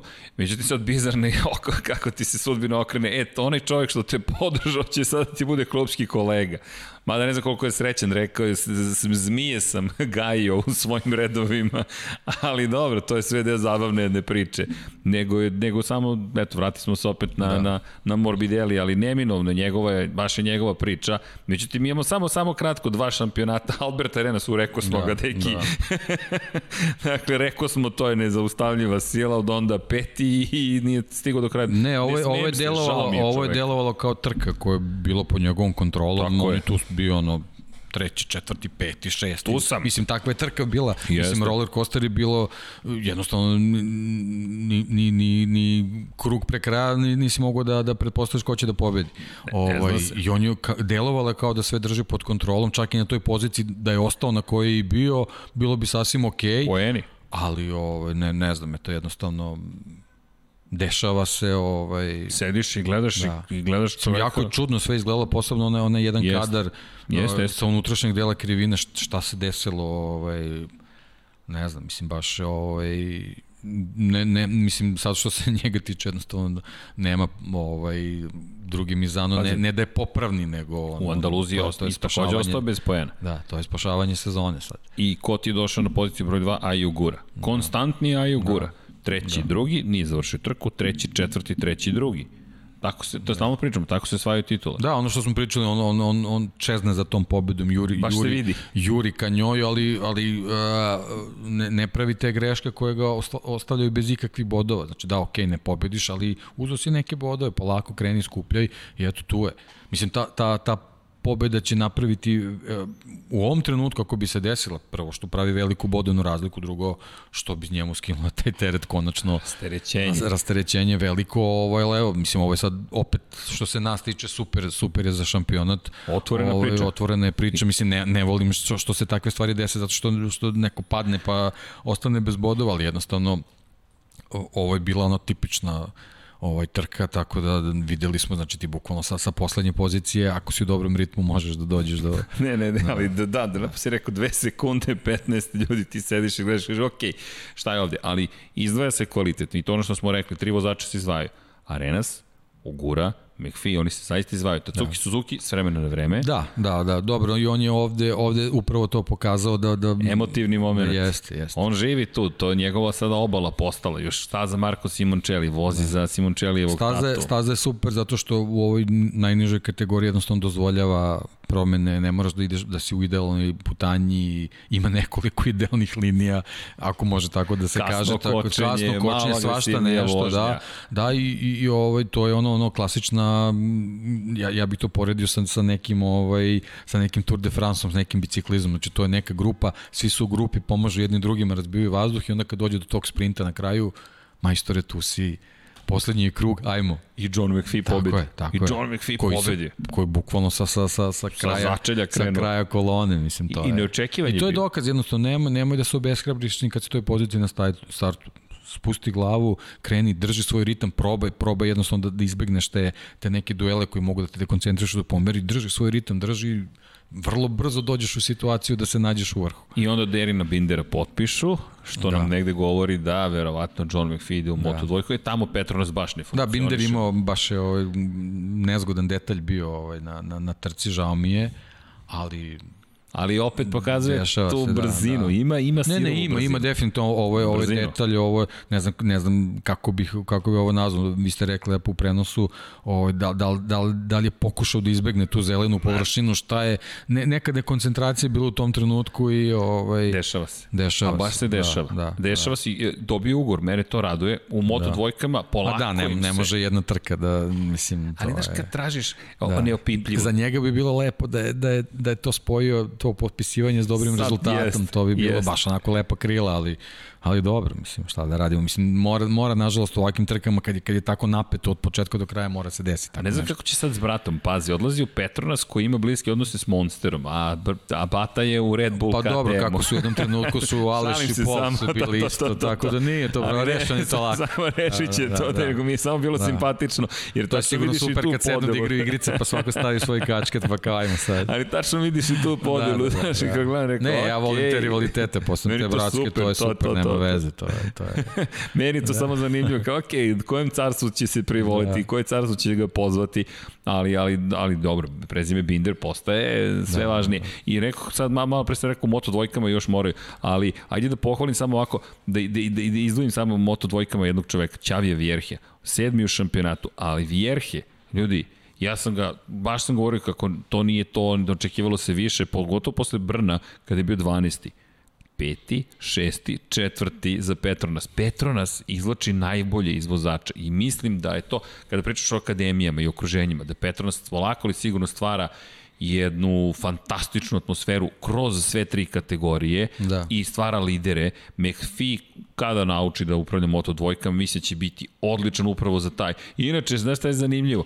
Ne znam da li si gledao u Škotskoj kako se obeležila John McPhee, ka, ka, premijerka, kako se zove premijerka Škotske, je na Twitteru neko ju je tagovao i rekao, pa mislim da je Sturgeonova, da je red da čestitate škotskom pobedniku u motociklizmu. I žena je uzela i rekla, čestitam na veličanstvenoj pobedi koja mnogo čini za razvoj i promociju Škotske. I deka, znaš šta ti je moć društvenih da, mreža? Da, da. I pojavljuje se i Nikola Sturgeon, da.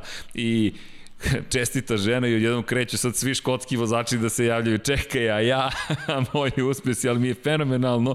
I šta ti, eto, John McPhee, ok, samo sam se sad toga da, setio da, da za ne bilo, Bilo je sjajna, sjajni detalj na testu kad su se obukli kvartararove kombinezone. Njih trojice kad su izašli da, da, da, kao da, koji Da, da zbune malo vozač. mehaničare.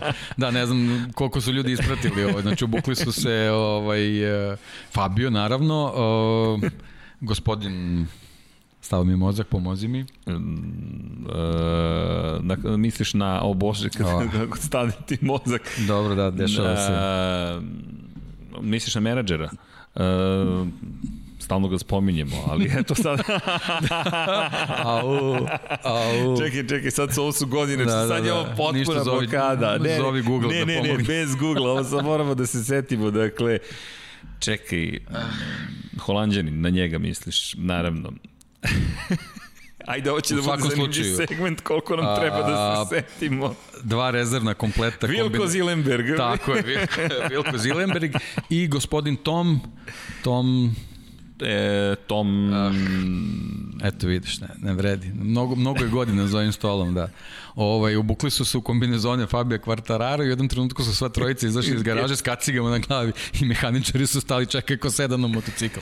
Znači, bilo je ovaj, to, apropo te tvoje priče, ovaj, uh, kakva je atmosfera u Petronasu. Znači, bez obzira što, su, što je veliki pritisak, oni su shvatili da je jednostavno uh, vozači moraju da budu rasterećeni, malo opušteni, znači da je u nekim trenucima dozvoljeno, dozvoljena neka opuštena atmosfera da bi pre svega i ti mehaničari se rasteretili u ovom prenatrpanom tempu, da sve sve funkcioniše kako treba i da to može da bude spontano, ali u nekom trenutku je i prilično ovaj, smišljeno. Zašto da ne? Čekaj, čekaj, reci kakav je Vanja. Pa veličanstveni Vanja nam je naša, evo, brilliant, congratulations John, Nikola Sturgeon, dakle, i Hawk Boss je, dakle, je rekao, dakle, John McPhee from Oban je upravo pobedio u trci u velikom velikom nagradi San Marina u svetskom prvenstvu i ovo mora da bude velika vest sportska. Dakle, i niko u britanskim nije spomenuo Škotsku, dajte da ga pozdravimo. Kakav uspeh i to je naravno tweetovala gospođa Sturgeon.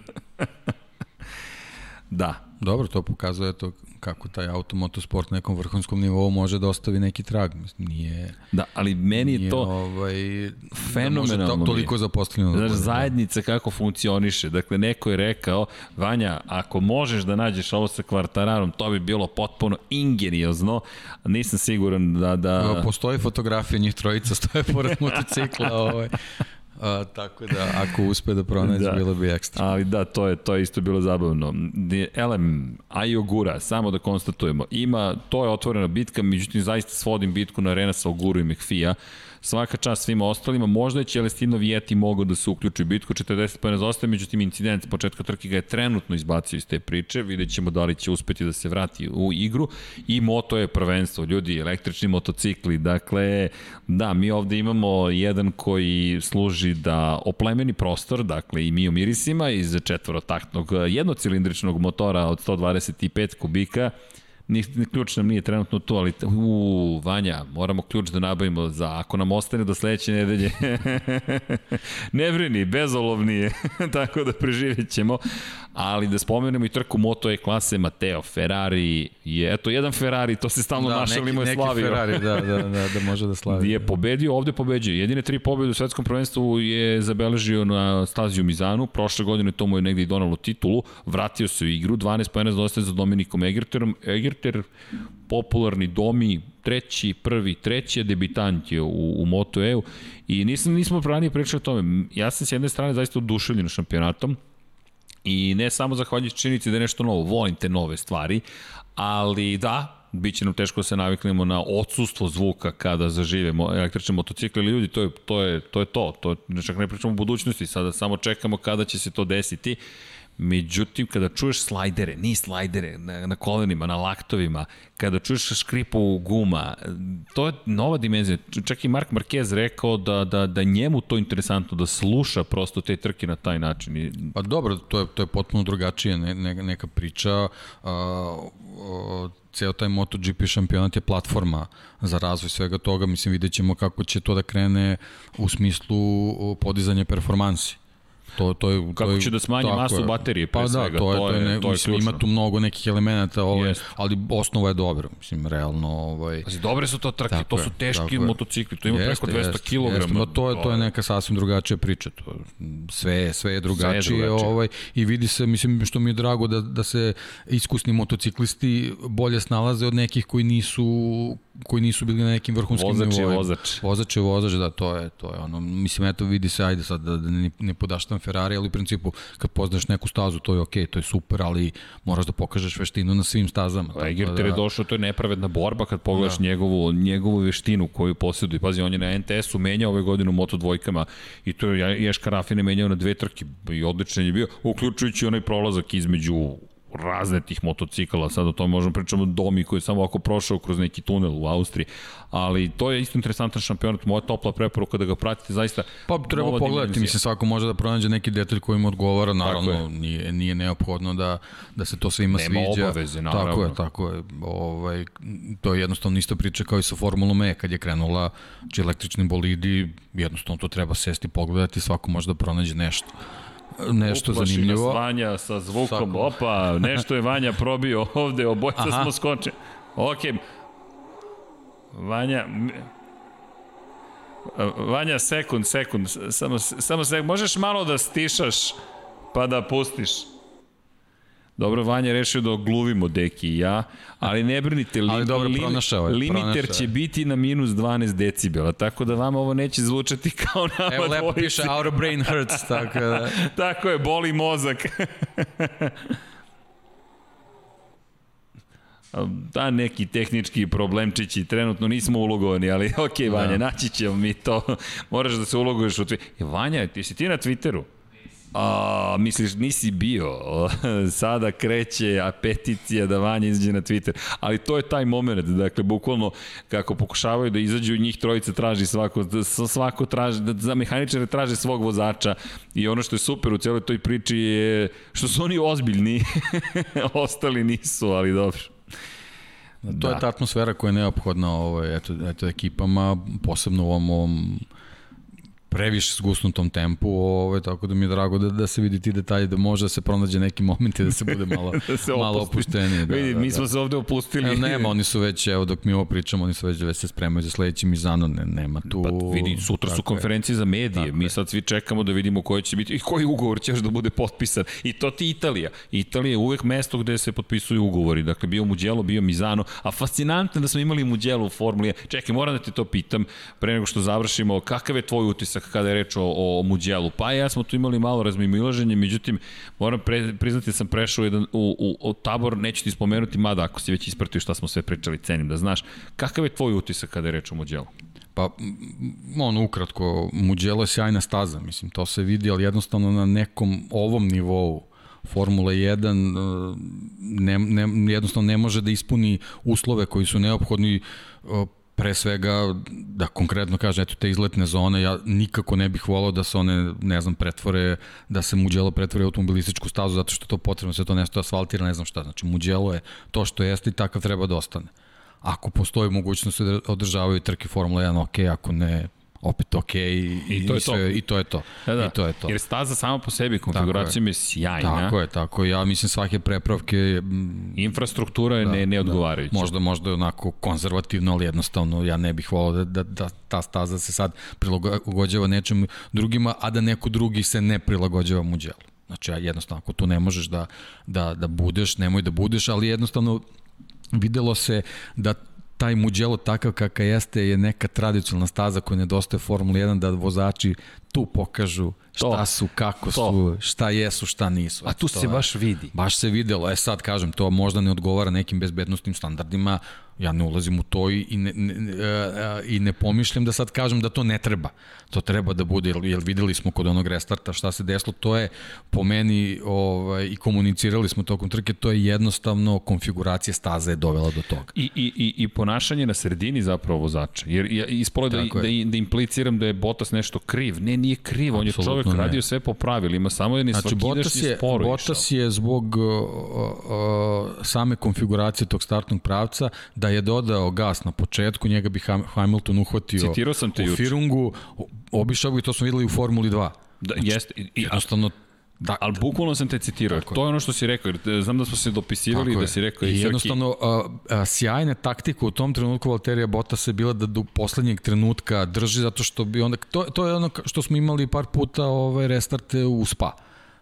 Da. Znači, jednostavno, ako ne, ne, ne dođeš na pravi način na, na kamel pravac, izgubio si ako si prvi. To je ono kad je, kad se Vettel igrao sa, sa Hamiltonom, to je to. Ovo, ovo nije bila nikakva igra, ovde je jednostavno samo Valtteri Bottas pametno procenio da je najbolje da u poslednjem trenutku da gaz da bi skratio startni pravac Lewisu Hamiltonu da ga ne obiđe. Da, da. Međutim, a, splet nesrećnih okolnosti je bilo da a, po meni, po onom snimku, a, Latifi je prvi dao gas zato što izgubio vozača ispred i onda je Đovinaci za njim krenuo. E, to je to je, Eto, to je bio, to mislim je da je bio. Magnusen ispred. Magnusen, ali... Latifi uspeo da ga izbegne, otvorio je prolaz sudije su pozvali Magnusena, ali tako. tu je najveći problem što nisu, to, to smo pričali u Čepalija, taj, taj moment u Naskaru imaš, dužni su da idu jedan pored drugog, dužni tako su je, da se e, rasporede. To je, to je možda neka stvar koju u Formuli 1 ne postoji kod tih restarta, znači to možda moraju da, da definišu to, imamo ono pravilo koliko već vozača, e, koliko automobila ne smeš da, da, da pustiš do, do safety car sad.